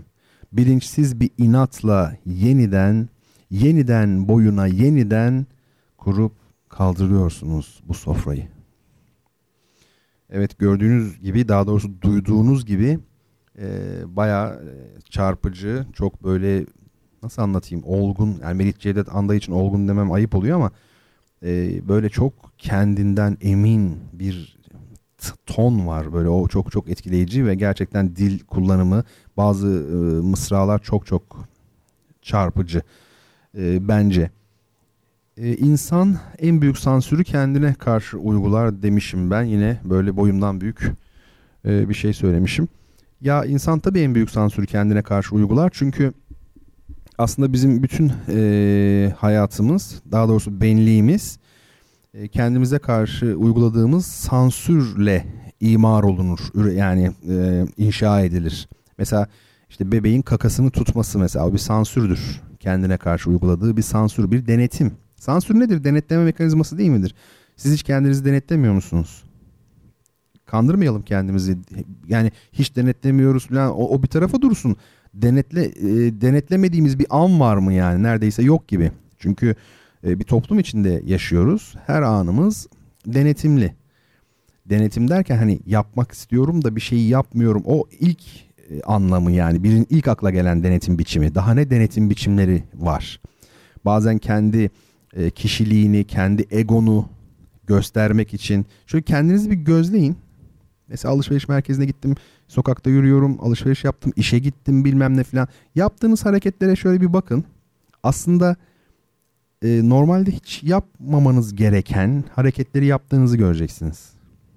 Çünkü hepsinin bir anlamı var. Hepsi bir yere bir şey gönderiyor. bir mesaj var, bir işaret var. Sadece dışarıya değil size de kendinize de bazı şeyleri göstermeye çalışıyorsunuz aslında yani çalışıyoruz hepimiz. Ben, ben başta kendimi kastediyorum aslında. Dolayısıyla e, insanın bütün e, hareketleri bir denetime zaten tabi. E, sansür dediğimiz şey de denetimdir. E, mesela en büyük yalanı kendimize söylüyoruz. İşte bu da bir şey değil mi? Bir sansür değil mi? Yani sansürlenen haber ne olur? Yalan olur. Öyle değil mi? Gerçeği kestiniz mesela yalan oldu. E, dolayısıyla siz kendinize de e, yalan söylemiyor musunuz hiç? Bence söylüyorsunuz. Yani kendimizi bazen çok yetenekli olduğumuza e, ya da çok iyi bir insan olduğumuza inandırırız. Bazen birine aşık olduğumuza inandırırız. Efendime söyleyeyim. Bazen bir davaya adanmış olduğumuzu düşünerek oradan aslında e, egomuz e, nemalanır oradan. Öyle değil mi yani siz bir davaya öyle insanlar tanıdım ki suçluluk duygusu var. Belli sebeplerden dolayı çok şiddetli. O bunu bastırmaya çalışıyor. İşte bakın sansür bu. O bastırmaya çalışıyor ve mesela bunu nasıl e, aşmış biliyor musun? Aşmaya çalışmış. Mesela bir davaya adanmış. Bu davada işte diyelim ki yani siyasi politik bir dava olur, başka bir dava olur. Atıyorum tamamen yani. Mesela hapis yatmış diyelim falan filan. Dönüp baktığında vay be ben bu işte dava uğruna işte 20 yıl hapis yattım filan. Aslında e, hiç alakasız toplumsal e, siyasal bir şey değil. Son derece e, böyle ailevi bir sebepten dolayı kendini suçluyor ya. O onu dengeleme mekanizması işte. Onunla bastırıyor onu. Ben şöyle yüce bir adamım yani. Böyle suçluluğunu hafifletiyor. Ama bakın çok ilginç. Bir taraftan bunu dengelerken bir taraftan da suçlu olduğunu bilinç dışı düzeyde kendisi bildiği için onun e, cezasını ödemiş, çekmiş oluyor o şekilde. Yani çok garip ya insan hakikaten. O bakımdan yani bu kendinize bakın yalan söylemenin çok çok biçimleri var. Yani bir adam bütün ömrünü bir davaya verir. Aslında o bir şeydir, yalandır. Kendine söylediği bir yalandır. Ee, ben böyle koca koca hayatların boşa gitmiş olduğunu e, gördüm biliyor musunuz? Yaşım 39 merak edenler varsa söyleyeyim. Bazen şöyle düşünüyorum. Ya sen çok çabuk olgunlaştın galiba diyorum. Ya 30'lu yaşlarımda koca koca adamların e, bazı gerçeklerini yani hadsizlik yapmayayım. Ben de dışarıdan kabak gibi görünüyorumdur pek çok özelliğimle eminim. Ama bu konuştuğumuz e, düzlemde bakacak olursak hakikaten şey çok çarpıcı. Yani 70 yıllık ömürlerin böyle boşa gittiğini, adamın mezara girdiğini görüyorsun. Adamın, kadının her neyse. inanılmaz bir şey. O bakımdan kendinize söylediğiniz yalan da tabii ki nedir? Bir sansürdür yani. Bir, bir, bir gerçek var. Bir gerçek var. Sizi rahatsız edecek bir gerçek değil mi? Normalde işte sansür niye yapılır? Bir şey vardır. Haber ger- rahatsız edicidir. O sansürlenir. Şimdi kendinizin mesela rahatsız ıı, olduğunuz bir gerçek var. İşte orayı sansürlüyorsunuz bir şekilde. O bakımdan en büyük sansür kendi medeniyet kavramının kendisi bir sansürdür. Gerçekten öyledir yani. Medeniyet bir sürgündür demiştim. Medeniyet dolaylılıktır tamam ama sansürdür medeniyetin kendisi. Hayvanlar alemine bakarsanız medeniyetin niye sansür olduğunu anlarsınız. Tabii böyle bir şey. Tabii hayvanlar alemine gidelim demiyorum. E, çok katmanlı işler bunlar. Peki şimdi kitap hediyelerimizi verdik galiba değil mi? İki hediyemizi verdik. Satranç takımımız sevgili kızımın özlüyorum biliyor musunuz? Şimdi eve gidip görmek istiyorum. İnanılmaz bir şey yani hiç böyle kendimi böyle görmezdim yani tahmin etmezdim yani enteresan. Çok küçük çünkü size muhtaç. Ufacık böyle portakal gibi bir başı var. Küçücük. E, sadece yaşamaya çalışıyor. Öyle bir aşama ki daha ilk gün yani ilk günler e, böyle hani mücadele böyle nefes almaya bile mücadele böyle bir takım sesler falan çıkarıyor ama işte tabii şey çok e, sevimli. Efendim şimdi bir müzikle sizlere veda edeceğim. Haftaya tabi tekrar inşallah Allah ömür verirse beraber oluruz. Ee, Sabr e, Dance bu ne diyorlar? E, kılıç dansı diye çevirmişler ama ben emin değilim kılıç dansı olduğundan. E, Haçaturyan diye bir besteci var. Ermeni kökenli ama Sovyetler Birliği yani Sovyet besteci. Ee, onun bir e, balesi var. O balenin içerisinde işte kılıç dansı diye çevrilen bir dans bu. Ünlü bir müzik bölümü. Şimdi çaldığı zaman aa bu o mu diyeceksiniz. Çok ünlü zaten. Ama aslında bu adam e, Ermeni olduğu için bu şimdi bizde hani şey vardır ya bu Erzurum'da hançer barı vardır. Bence bu hançer barı işte. K- kılıç dansı demişler ama yani bence kötü kötü çevir. Gerçi kılıç yani ha- hançer sabır değil ama yine de e, ben hançer barı olarak çevrileceğini düşünüyorum. Bizde zaten bir çeviri problemi var çok kötü. Mesela sihirli flüt Zauberflöte Almanca veya işte Magic Flute, flüt e, bu büyülü kaval daha güzel çünkü konotasyonu daha güzel. Büyülü kaval eserin içeriğiyle daha uyumlu gerçekten masal çünkü. Ya da mesela şeyi yanlış çeviriyorlar. İtalya'da bir Türk diye çeviriyorlar. Ünlü bir opera var. İtalya'da bir Türk. Artikelle ilgili bir hata yapıyorlar. Halbuki doğru çeviri Türk İtalya'da. Aynen böyle yani İtalya'da bir Türk değil. Türk İtalya'da. Ya da mesela işte Stravinsky'nin Bahar Ayini var ünlü. 20. yüzyılın en büyük müzik eseri e, klasik batı müziği açısından bakacak olursak çok sesli müzikte. E, Le Sacre de Printemps yani ilk bahar ayini veya Türkiye'de daha çok bahar ayini deniyor. Halbuki hangi bahar ayini bu? 21 Mart yani belki de Nevruz Bayramı diye de çevrilebilir. Yani çeviri de birebir kelime kelime değil de gerçekten neyi anlatıyorsa e, onu ifade etmek lazım diye düşünmekteyim. Şimdi saati baya bir rekor programlardan bir tanesi oldu. E bu gece böyle olsun. Artık haftaya tekrar e, görüşürüz. Sizden ricam e, ben tabii hem yorgunum e, olmasam bile uzun bir program yaptık. Atlayabiliyorum zaman zaman bazı şeyleri. Yani atlamak değil de görmüyorum mesela bazen de mentionlarda altta kalmış oluyor. Ne kadar bakarsam bakayım. E, atladığım bir şey varsa, soru varsa cevap vermediğim e, lütfen tekrar yazsın. Mail olarak da yazabilir. Mesela Ramazan Bey'in sorusu var onu biliyorum. Şimdi zaten e, yarın tekrar döneceğim ben bu şeye programa mentionlara falan alttan bakayım atladığım bir şey var mı soru var mı diye. Okey böyle olsun bakalım şimdilik. Efendim haftaya çarşamba gecesi saat 22'de inşallah e, beraber olabilmek dileğiyle hepinizi hürmet ve muhabbetle kucaklıyorum. Esen kalın. Bertan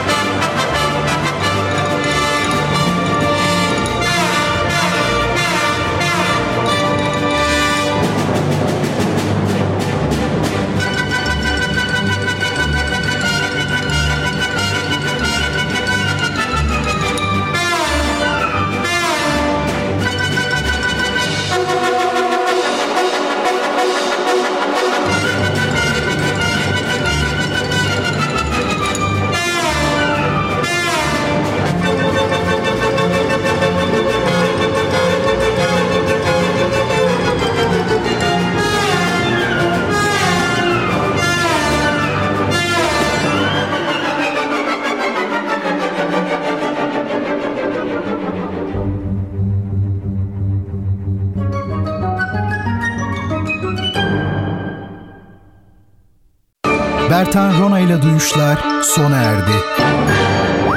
Bu program hakkındaki düşüncelerinizi dinleyen et radyogercek.com adresine mail atarak bize ulaştırabilirsiniz. Dinlemiş olduğunuz programda ürün yerleştirme yapılmıştır.